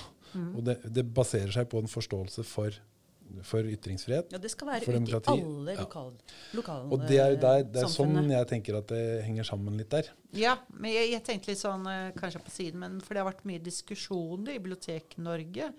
Hva skal vi være i forhold til en arena for andre, at folk kan leie seg inn? Ja. F.eks. Ja, si høyreekstreme grupper, da, Ja, eller Mm. sterkt religiøse grupper som Skal de få lov til å ytre sine meninger og ha sine trosfeller inn og invitere folk inn i vårt hus, eller skal de ikke? Det var litt det jeg tenkte på i stad. For det har det vært heftige diskusjoner om, og der er man man har ikke oppnådd enighet, da. Så det er fremdeles en heftig diskusjon rundt eh, Og det bør det sikkert alltid hva, hva være. Er det litt som kvinnelige prester i, i kirka? Man lever med begges syn? Ja. Man- Det er litt Det, sånn? det er nok det. Ja. Ja, ja. Nei, det er, eh, det er verdt det der. Mm. Men, for, nei, men det er, det jo de, Det er jo tydelig i forhold til den nye biblioteksloven, syns jeg. Men så er det jo også spennende da, på et nytt sted. Ikke sant? Altså, eller på nytt sted for deg, men et veldig gammelt sted for oss. Men eh, altså, hvordan er det man møter da, den, den, eh, de mulighetene? Hvordan de ligger til rette. Og da er det sånn som jeg snakka med liksom, de ansatte, og at det er en kultur for det. Men eh, hvordan, syns du, hvordan bruker folk biblioteket? Er de gode på det? Vi, hvordan fyller uh, biblioteket sin rolle her? Og hvor, hvilke muligheter ligger der framover for å utvide? For å Jeg ser jo masse masse muligheter framover i forhold til min bakgrunn. Men jeg, jeg kom jo hit i august. Jeg kom jo i pandemien. Altså Sånn sett så er det jo Det er nytt og ukjent sted for meg, nye ukjente mennesker, og midt i en pandemi. Det er klart det, er, Da blir det jo desto vanskeligere å si noe. Fordi det har jeg også Det er ikke bare her i Kragerø, men, men vi har generelt i biblioteksveien hatt færre besøk etter pandemien kom inn. Fordi folk er redde rett og slett for å oppsøke sosiale arenaer. Ja.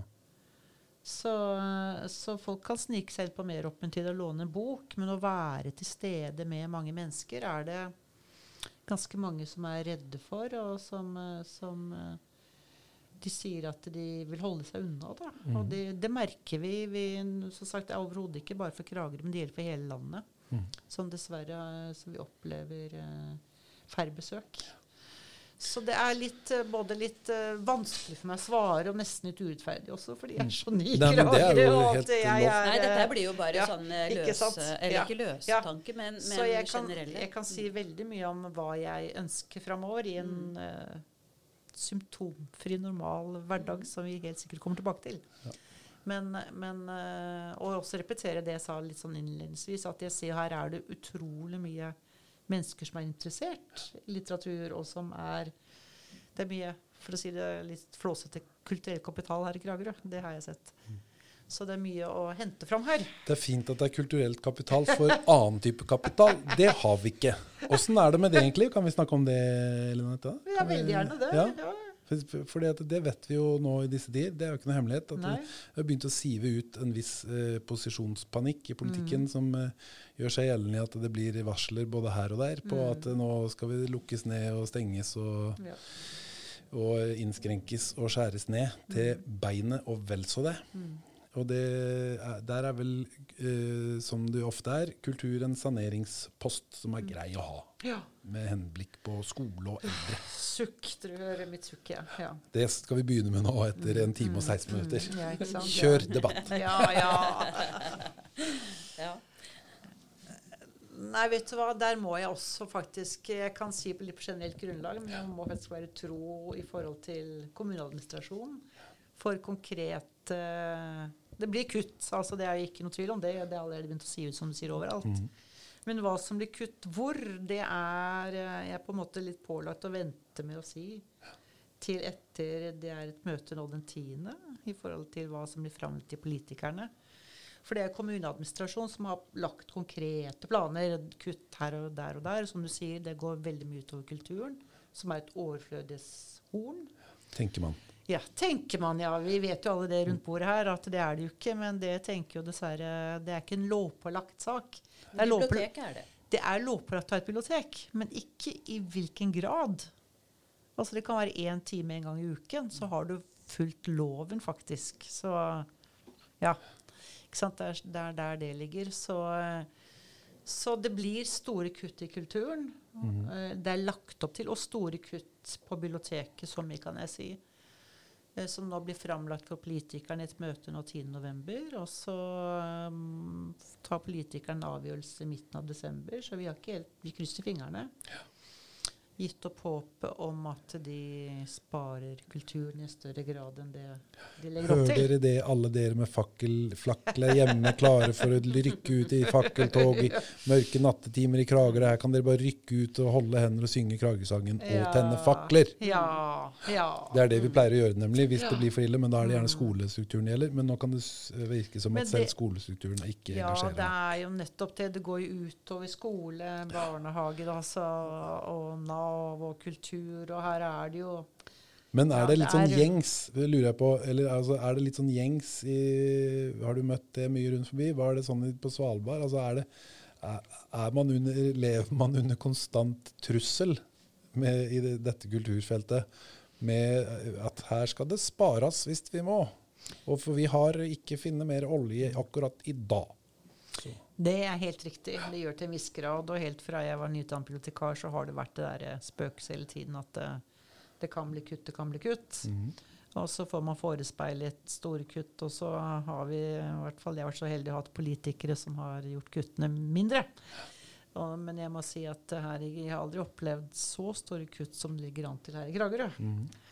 Ja, det må jeg få lov til å si. Så, og jeg har jo også eh, Jeg er jo ingen politiker, heldigvis, og heller ingen økonom i og for seg, men etter det jeg har fått høre, så er det også noe med disse statlige overføringene til kommunene fra 2021 som blir fordelt på en annen måte.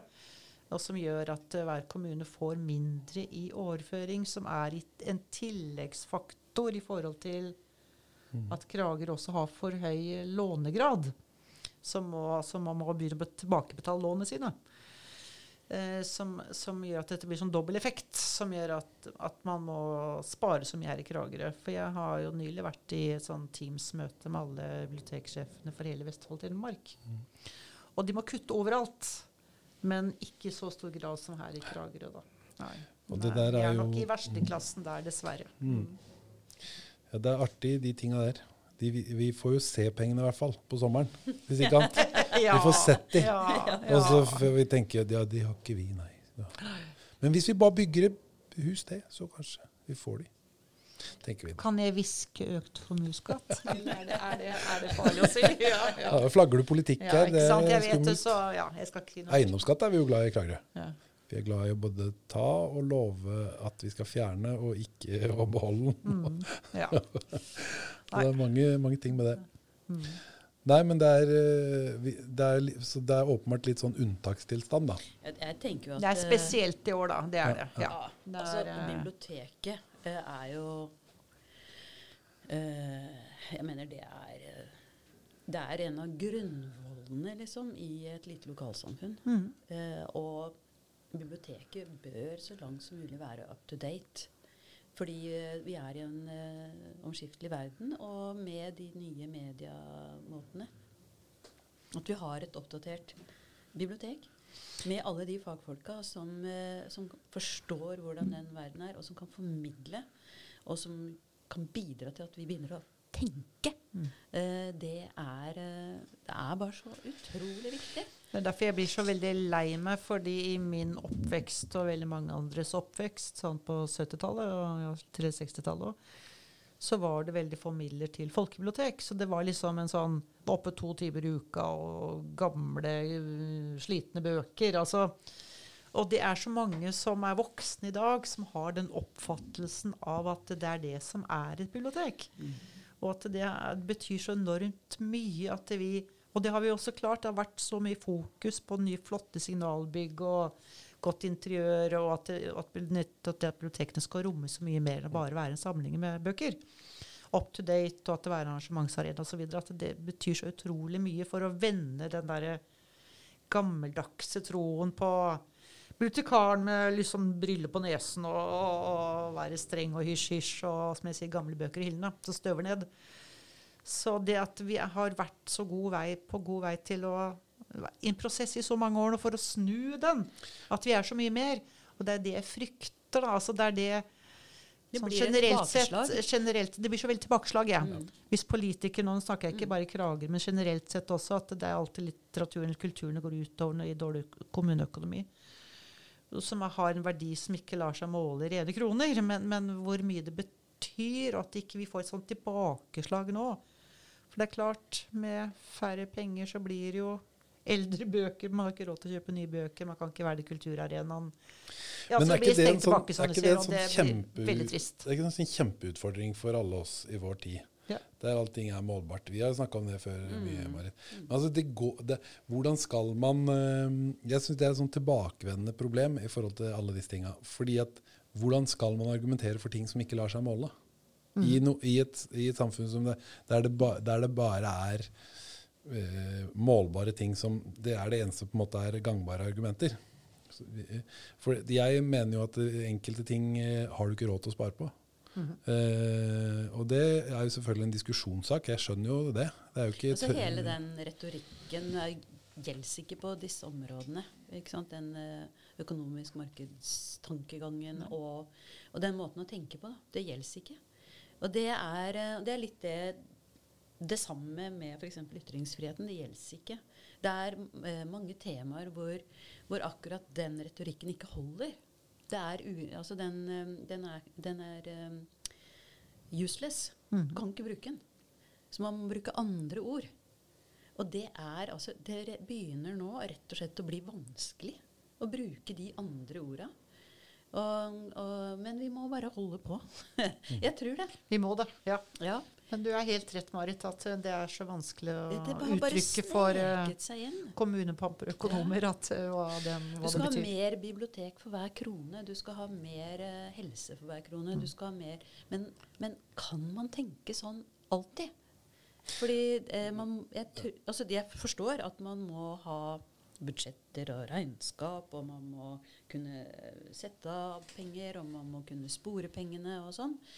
Eh, og, sånn må det jo selvsagt også være. Men, men begrunnelsen for å bruke pengene eller, eller eh, ja, den må jo, det må være på et annet nivå. Men det er så mange ting altså For mm. det som Kragerø så er det så mange ting. ikke sant? Altså, sånn, noe som jeg bare føler på. Eh, altså vi, vi, vi, hele vår eksistens bygger på skjærgården. Det, det er vår eksistens. Det har vært eh, fiske, vi har levd av skjærgården og havet, og det er derfor vi er her. på en måte. Og så har det blitt et handelssted her inne nå. Så er det klart at nå i 2020 så er innbyggerne våre der ute på Jomfruland og Skåtøy de er jo fryktelig dyre. Og det er jo helt tullete å ha de der ute. Og barnehager der ute for fem mennesker og sånn. Det er klart det, kost, det koster masse penger. Men de pengene, de kronene der er så viktige. Altså, og der bare føler jeg der kan- jeg ikke, kan ikke argumentere godt nok for det i en moderne verden, der de eh, det jobber eh, Darth Vader her med kroner og øre og eh, folk rundt forbi. Jeg kan ikke si noe annet enn at jeg føler at det er viktig. da. Jeg føler at det fortsatt er viktig at det bor folk ute på korset og ute på Stabbestad. For det har det gjort. Og, det, og om ikke annet da, så er det den fronten vi nå har mot avfolkinga. Så at hvis, vi, hvis de forsvinner, i, hvis, i den grad man kan se tendenser i demografien, da, og at det liksom har blitt færre og færre folk på og at det kryper innover, så er det jo i hvert fall viktig at vi holder de frontkjemperne der ute i livet, da, sånn at vi faktisk kan, holde, vi kan puste her inne litt til. Ok, er det et argument da, kanskje? Men det er, det er et sånn eksempel på i forhold til liksom hvor mye er en tusenlapp verdt. da. Noen steder så er faktisk den tusenlappen veldig veldig viktig å bruke akkurat der. Selv om man tror at den koster eh, 2000 i andre enden, så er det faktisk så er det akkurat det at du bruker den 2000-lappen, eller den tusenlappen og at den koster 2000, det gjør at du tjener noe annet i lengda. Det handler litt om hvem man er. Og det gjelder det samme med kulturfronten, mistenker jeg. Men igjen altså, så man jo i fare for å bare snakke snikksnakk og vi- visvas, og bli veldig Jeg er så enig med deg som det går an å bli. Men jeg det fint tenker, ut? jeg tenker at ja, fordi Kunne jeg vært politiker? Absolutt. Åh, og det har jeg så lyst til å bli! Ja, men det er som du Ja, sier, det er vi- viktig at disse folkene er, er på øynene her, at de gir merverdi som ikke du kan måle i kroner og øre. Da tenker jeg i Nord-Norge. Ikke sant? Jeg har jo vært litt i Nord-Norge opp og ned, og, og særlig jeg har kjørt gjennom Nord-Sverige og Nord-Finland, og du kjører mil etter mil etter mil, og det er ikke et menneske. For det har jo vært en bevisst politikk at de De får, vi får det ikke de, til, altså. de skal ikke bo i Nord-Norge, men der har jo Norge vært mye flinkere. For her skal det bo folk i alle grender og alle øyer, og vi har tilrettelagt for det. og Mm. ja, det Men- gir, gir merverdi at faktisk bo, bor folk. Mm. Ja, jeg vet ikke skal jeg forklare det, men ja. Men sentraliseringa nå, er, det, er, det er en av de tingene vi klarer. Vi skjønner det ikke. ikke sant? Du ser Senterpartiet nå i ferd med å vokse seg gjennom taket overalt her og der. Og det er jo, på grunn, det er jo distriktspartiet, det. Men, men ikke engang Senterpartiet. Altså, nå blir det jo veldig Nå, Ja, er, vi, nå er vi er- der igjen. Nå er vi der igjen. Nå er vi der Ja. igjen! Oh, Dere har Jo, vi snakket er- om det før, Ja, men altså, vi er Hvilken favorittbok har du, Ellen i- Ja. Vi er, er jo bare fortsetter. ja, men, eh, altså, vi er veldig interessert i samfunnsutvikling. Ja, ikke sant? det er veldig bra, Alle, alle som driver eh, i eh, eh, ja. Jeg vil anta, altså Hvis du er leder for et bibliotek, så er du det for et, i, et, eh, i en kontekst, i et lokalsamfunn. Og da er du interessert i hvordan går det med det lokalsamfunnet, og så er du interessert i resten av bibliotekverdenen i regionen og i Norge. Og i verden, for den saks skyld. Sånn at man er jo alltid i en, eh, i en kontekst og, og vil være med på en utvikling og mene noe om det. Og når, eh, når eh, det er en utvikling nå som, som eh, kan, kan være bekymra for, så tenker jeg at det, det må være helt greit å si fra om det. Fordi det kan jo se ut som at mye av den utviklinga som foregår, f.eks. når det gjelder sentralisering, da, den er ikke så villet. Altså, den er ikke villet av eh, de som skal ta imot de som, eh, som flytter inn til de store byene. Altså, de eh, får jo kjempeproblemer med å ha nok boliger, med å, nok arbeidsplasser eh, osv. Det blir store, kan bli, altså Nå er jeg ute i verden, kan bli store slumområder. Det er ikke så interessant for de som må flytte. De ville gjerne ha vært, men de får ikke arbeid, de får ikke inntekter. Så de dras altså Det er sånne trender som skjer, som egentlig ikke er villet av noen, men som bare er så sterke strukturer. Og, og går det an å gjøre noe med det? Det er jo det som må være spørsmålet. da. Og jeg tenker at eh, Ja, Ja. tenker vi. ja, altså bibliotek. Bare for å komme tilbake til det. Jeg er jo en ihuga bibliotekfan. Jeg, jeg tror det er en veldig god oppfinnelse. Og nå var jeg akkurat og så på det nye Deichmanske i Oslo, nede i Bjørvika, og det er jo et høl, Bjørvika. Men Jeg er helt uenig. ja. på en, det er å, å. Men, men eh, å gå inn der og se eh, hvordan de har uh, laga dette biblioteket, som eh, eh, alle de gode ideene, alt det de får til. Så enormt masse mennesker. Jeg var der nå under pandemien sist lørdag. lørdag Uh, på eh, en ettermiddag. Masse mennesker. Det er jo helt utrolig. Uh, og, og jeg har vært på den der eh, Dokk 1, er det ikke det det heter, i Århus? Som også er mye av samme konsept. ikke sant? Det er mange etasjer, det er alle slags mulige mennesker. Det er unger, ungdommer, gamliser. Eh, et mangfold av språk, og det er masse som foregår av arrangementer og farger og lyder. Og, men du kan også trekke deg til disse stille områdene. Og, og, og jeg tror at det er den slags type hus den, altså, og som er for alle. Det er for alle. ikke sant? Det er gratis tjenester. Det er for alle. Det er så utrolig viktig. Og hvis man i lille Kragerø da, eh, bestemmer seg for at eh, nei, dette klarer vi ikke. Vi må nødt til å minske eh, opplegget her. Eh, enten det gjelder åpningstider, eller det gjelder bemanning, eller det gjelder eh, tilbudene generelt, så er det en Det er en Hva heter det? Det er, en, eh, det er et ordentlig tilbakeslag for en utvikling av en en Kragerø-sivilisasjon, hvis du skjønner hva jeg mener. Jeg, treng, jeg tenker at det går fint an å bruke sånne store ord. For det, det er noe med hva er, hvilken utvikling er det vi vil ha for Kragerø? Mer boliger. Ja. Mer ferieboliger. ja. Ja. Ble du, nå så jeg du ble redd, Ellen. Jeg ble litt redd, Det ja. var Men det syns det var litt skummelt. her. Du, det, du det ble så sånn uh, og brutal her. Ja. Nei, jeg bare svarte det jeg vet at jeg, Jeg, noen jeg, vil ville ha, ha jeg vil ha flere barnefamilier. Ja. Ja, du er en av de. Jeg er en av de, ja. Ja, du er en av de. Det blir jo aldri noe orden på det. Nei. Nei, men eh, det er jo jeg Vi, vi, vi, er, jo så enige. Vi Ja, er vi er så enige. Ja, men altså, vi, vi, må, vi må bli Jeg tror at eh, vi som er så enige, vi må bli bedre på å klare å si noe om det. Og artikulere det og få det frem. Altså, Jeg- jeg, jeg føler at, eh, at vi klarer ikke Vi sliter. Nå er jeg litt sånn inne i en kynisk periode igjen. Vi har bytta på litt, eh, Marit, en stund nå, du og jeg. Men eh, jeg, jeg er nok inne i det at jeg tror bare den der rælebølgen må skylle seg ferdig, altså. Rælebølgen, hva er det for Ja, den der Det er mye ræl. reality, Trump, oh, eh, er internett, eh, utbygge, eh, harifisere Altså det må bare gjøre seg ferdig. Så kan vi som på en måte liker å lese en diktsamling Vi kan på en måte bare Vi må bare legge oss under en stein, og så kan vi liksom stå opp når det har skylt Når det er tidevannsbølgen har skylt over. Du er fantastisk til å inngi håp. eh, da. Takk skal du ha. Vær så god, du har så det er Men det kommer til å være mange som eh, står opp fra under de steinene. Sorry. Ja, da har vi virkelig bytta rollene, for det er du som er den evige pessimisten.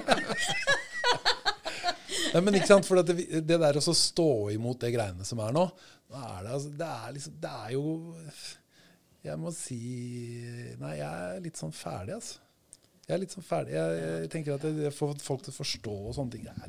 De må skjønne det sjøl, altså. Må det, må, da må det liksom Men de får ta ansvar sjæl for det. Ja, men de, de får liksom spise opp popkornet, og så se hvis de har Jeg har så på det. lyst til å se, for jeg, jeg, jeg er naiv, og jeg er det bevisst. Altså, Ja. jeg velger å være naiv. Ja.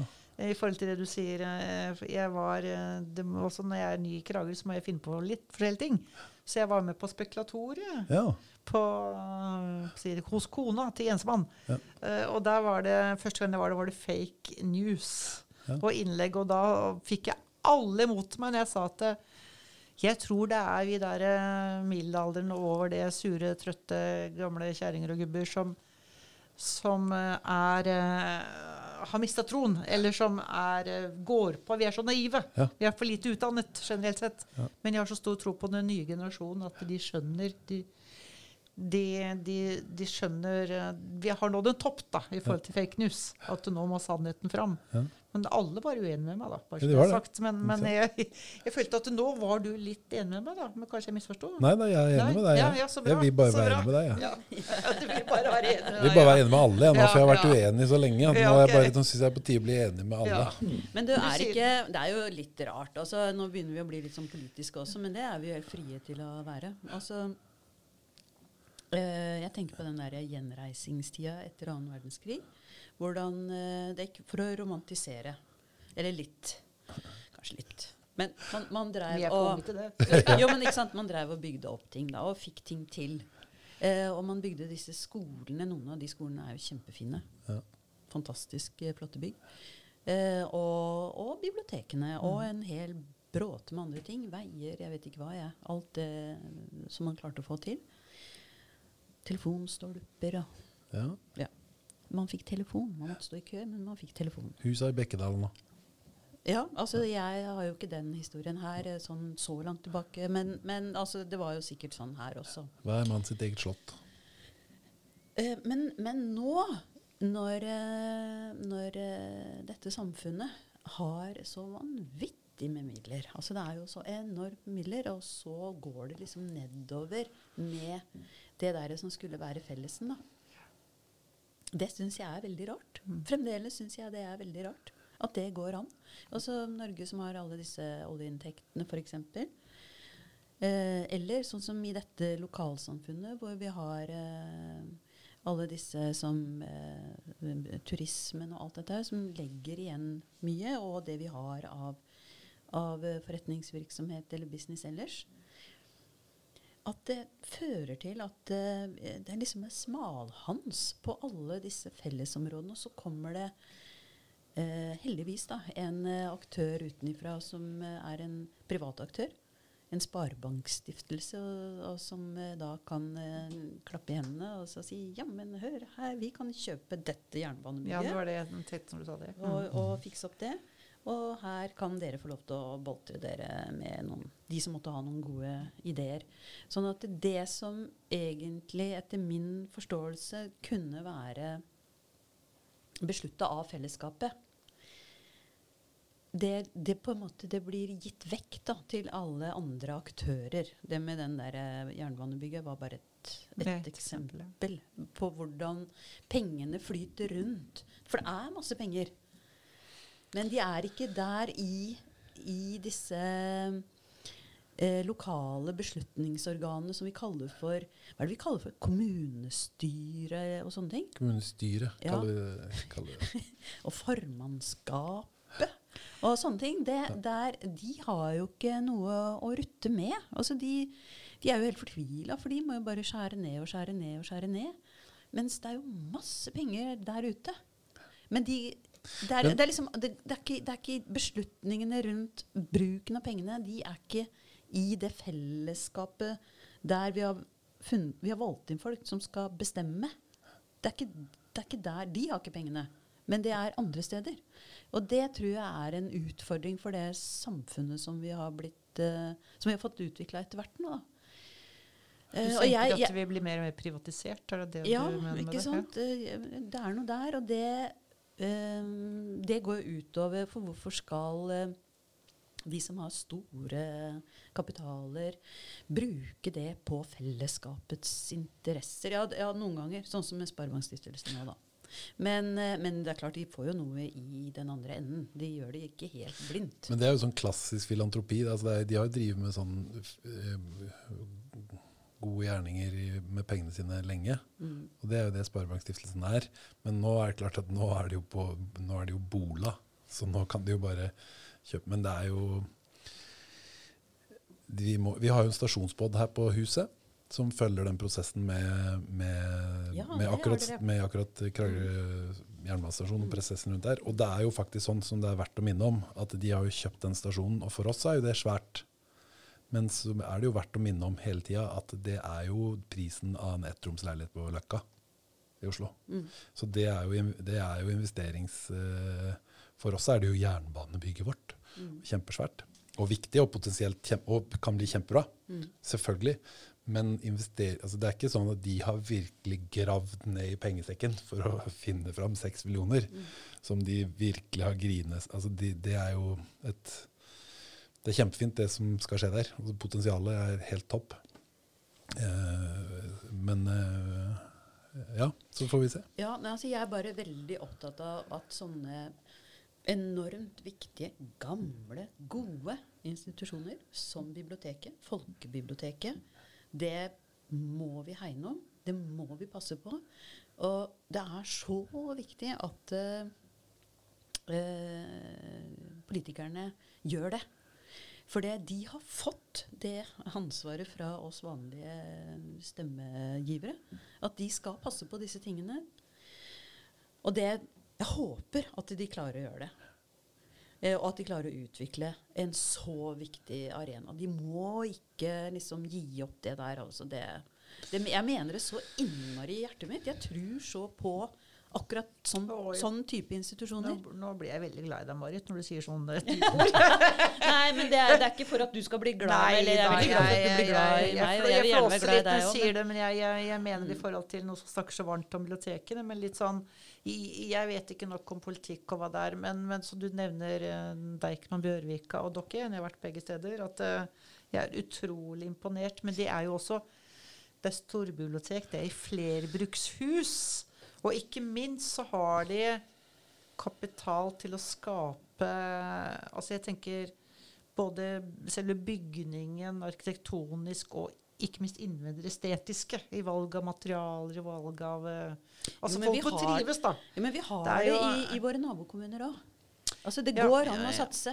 Ja, for du, må, du må legge nok kroner, da. Det er det jeg skal fram til. Det, Ja. det hjelper ikke å si at du er en kommune som har et bibliotek som er oppe hver dag. Altså, du, du må ha noe som gjør at folk har lyst til å gå dit. Og da er det ikke bare at du har en samling bøker, litt tilbake til det jeg sa, at du må ha oppdaterte bøker, men du kan ikke bare ha det heller. Du må faktisk ha innbydende lokaler, du må ha innbydende møbler, du må ha innbydende farvevalg, du må ha inn Altså, det er alt det spiller inn, da. Ja. Men altså, nye Deichmanske, fint og flott. Diamanten i København, fint. Men de, man, det er sånne monument sånne, Det er det. Signalbygg. urbanitetens feiring av seg sjøl, altså. Mhm. Veldig Ja, mye. men det kan vi godt begynne å diskutere. Ja, det Daniel. kan vi veldig godt Men jeg syns det er Men positivt. jeg da, syns også det er positivt, men det, det er veldig lett altså Jeg har vært på møter der man snakker Ja, men se på Bilbao, da, i Kragerø. Og vi er ikke Altså, vi, vi driver med noe annet. Og det vi har, er Det vi har, som jeg må si, som ikke blir nevnt ofte nok i forhold til Kragerø bibliotek, det er at de som er altfor opptatt av å høre på podder og se på TV, de går Det er noe glipp gærent av med de også nå, da. Det er det veldig noe gærent, med. det kan vi ta helt for over. Men eh, de går glipp av Hvis ikke de kommer på Kragerø bibliotek, så går de glipp av eh, byens aller beste latterflora. Ja, Ja. det er riktig. Så, eh, og det er sånn Og det er apropos ikke meg. Nei, og det er sånn apropos eh, Apropos liksom den der klassiske folkebiblioteket og bibliotekaren og det grå og være stille, ikke sant, de stille tinga. Så, men, og det har vi her. Og det mener jeg det er sånn et eksempel på. Det er småbybibliotek. Altså det, det, er noen, noen fortrinn som småbybiblioteket har, og som man kan bruke og utvikle og ha, og som er, som er viktig. Som sted, og- så tror jeg veldig mye på Jeg vet ikke om du var med på det som du nevnte på Svalbard, med det å få liksom, biblioteket fra loftet og ned på gateplan. Mhm. det, til, det, det med å tilgjengeliggjøre. Og jeg må jo si selvfølgelig, sånn som jeg jobber, så må jeg jo si fargevalg og arkitektur og all åpenhet, kjempebra. Men man må også Man må dimensjonere. må dimensjonere. Ja, men jeg er helt totalt enig i det. Det er ikke noe vanskelig å være enig i det. Men, men fra det til uh, ikke sant, sånn som vi har det nå på Kragerø bibliotek at hvis man nå bestemmer seg for å redusere det som Kragerø bibliotek er akkurat nå, Ja. Pga. Uh, kommuneøkonomien, Så får vi som fortjent. så mener jeg at det er også en veldig lite offensiv eh, politikk. da. Ja. Eh, fordi akkurat den type tjenester som bibliotekene eh, gir, der de er oppegående, det er det folk etterspør. Og særlig småbarnsforeldre. Folk med, med, som er interessert i eh, alt mulig. De går på biblioteket. Biblioteket blir veldig brukt, og det kommer til å bli mye mer brukt. Og det å redusere på biblioteket på et sånt lite sted som Kragerø, det tror jeg er noe av, faktisk, det er noe av det dummeste man gjør. Altså Hvis man skal se på et budsjett som Kragerø kommune har, og prøver å finne et eller annet sted å skjære inn, og, og peker ut biblioteket Jo, det kan vi ta oss og redusere på. Så mener jeg det er noe av det dummeste de gjør. Det er eh, min helt klare mening, og den kan jeg argumentere for til jeg dør, altså. Da må du finne et annet sted å kutte, Marit. Ja, det kan jeg godt gjøre. Jeg kan ikke si noe annet enn at jeg er veldig veldig enig med deg. Jo, jeg jeg syns eh, det er en så viktig samfunnsoppgave som biblioteket driver på med. Det er så underkjent. Og det burde liksom løftes så veldig mye mer enn det det faktisk gjør. Jeg tror at veldig mange av politikerne ikke er klar over bibliotekets betydning. Eller Det tror jeg også, Ja, fordi ja. jeg er redd for det. Ja, kanskje litt sånn det er mange politikere som er uh, hektiske. De har mye å gjøre, Mm. så de rekker ikke innom. Altså, jeg, jeg vet ikke årsaken, men jeg tror at det er mange av de som ikke er hos oss. og Derfor vet de heller ikke helt hva vi holder på med. Rett og kan slett. godt hende. Jeg tror vi har et forklaringsproblem der, uten at jeg helt vet åssen vi skal få gjøre det bedre. Mm. Så greit. Jenter, skal vi, nå har vi sittet her i en time og tre kvarter. Skal vi fortsette? Skal vi, du Ja, men, ja, men jeg Det trenger ikke bety noe, det. altså. Men Nei. jeg bare tenkte, skal vi, vi kan begynne å tenke på å berike handelsstanden i Kragerø. Ja. Eh, I form av å sponse de med å kjøpe ting ute på byen. Ja. Eller Ja. eh, man kan tenke seg all mulig slags fortsettelse derfra. Jeg bare tenkte jeg skulle sånn eh, Jeg vet ikke om det er på tampen, men i hvert fall bare når vi snakker om bibliotek og bibliotekets betydning i et lokalsamfunn som Kragerø, trekke frem eh, Venneforeningen. Ja. Eh, for det, vi har jo fått en venneforening eh, til biblioteket i Kragerø. Den er ikke så veldig gammel. Eh, jeg tror den bare er to, tre, fire år eller noe sånt. Men de gjør jo en kjempejobb, altså. Og, og, og jeg er helt sikker på at de gjerne er med på å, å støtte opp om eh, eh, biblioteket så godt de kan. Men det vet jeg, og det er en Ja. fantastisk gjeng som, Ja. som er med oss der. Så det ble jeg Mm. også veldig positivt overrasket over. Ja. Jeg har ikke vært i en kommune før med venneforening. Jeg har hørt om det, Mm. men ikke sjøl jobbet i en sånn kommune. Og det ja, Mm. eh, det er en veldig god ressurs for biblioteket, er venneforeningen Ja. her. Ja, Men, men kan jeg bare løpe ut og hente mobilen min, for jeg har så lyst til å avslutte med et lite dikt. Får jeg lov til det? Ja, Får det passer, det? ja, det passer Ja. veldig bra. Ja. Passer veldig bra. Så kan vi sitte her og krangle om hvem som er mest kynisk så lenge. Ja. Hvem ja, vinner da? altså Ja, eh, Daniel, Ja. du er jo businessmann, vet du. Det er derfor jeg er mest Ja, kynisk. Ja, du har Jeg er en sånn eh, kynisk næringslivsmagnat. ja. Jeg er. Nei, men, eh, men eh, Det hadde vært Det spørs veldig hvordan, hvordan det diktet er. Du er hjemme igjen. og det er derfor jeg Ja, sier det, men det er fint at det er den effekten. Her er vi litt hjemme. Hør her, ja. Fint. Uh, nei, jeg nevnte noe med dikt, vet du, fordi jeg elsker, jo- jeg elsker jo dikt. Og, og jeg har Det er gøy. liksom- ja, og jeg, har, og jeg er også veldig Jeg liker det morsomme, da. Det enkle og det morsomme. Det, er- det kan, jeg- altså, dikt kan være så mye. Og jeg elsker også de, de dype diktene, men så er jeg også en lettlydd person som liker det enkle. Og det er eh, Jeg tenker vi nærmer oss jo jula. Og hva blir det av med julebord i år, da? Det kan eh, bli stusslig. Eh, så da er det et eh, dikt som eh, hvert fall hvert år når vi hadde sånne julebordstradisjoner i Longyearbyen, så måtte dette leses høyt. Og det tenker jeg er mer aktuelt enn noen gang i disse covid-19-tider, hvis jeg får lov til å ta Å, det. perfekt. Får jeg lov til det? Det er altså Jon Hjørnevik. Har dere hørt om han? Nei. Nei. Han har flere morsomme dikt, og det er sånn typisk leger på julebord å ta et av hans dikt. Men det ene heter 'Julebord i enkeltmannsforetak'. Ja, det er noe for meg. Ja, Ja, det var for meg òg. bedrifta var samla. Det var meg og jeg. Jeg var der som tilsett, og sjefen var meg. Så drakk vi og åt, sjefen og jeg.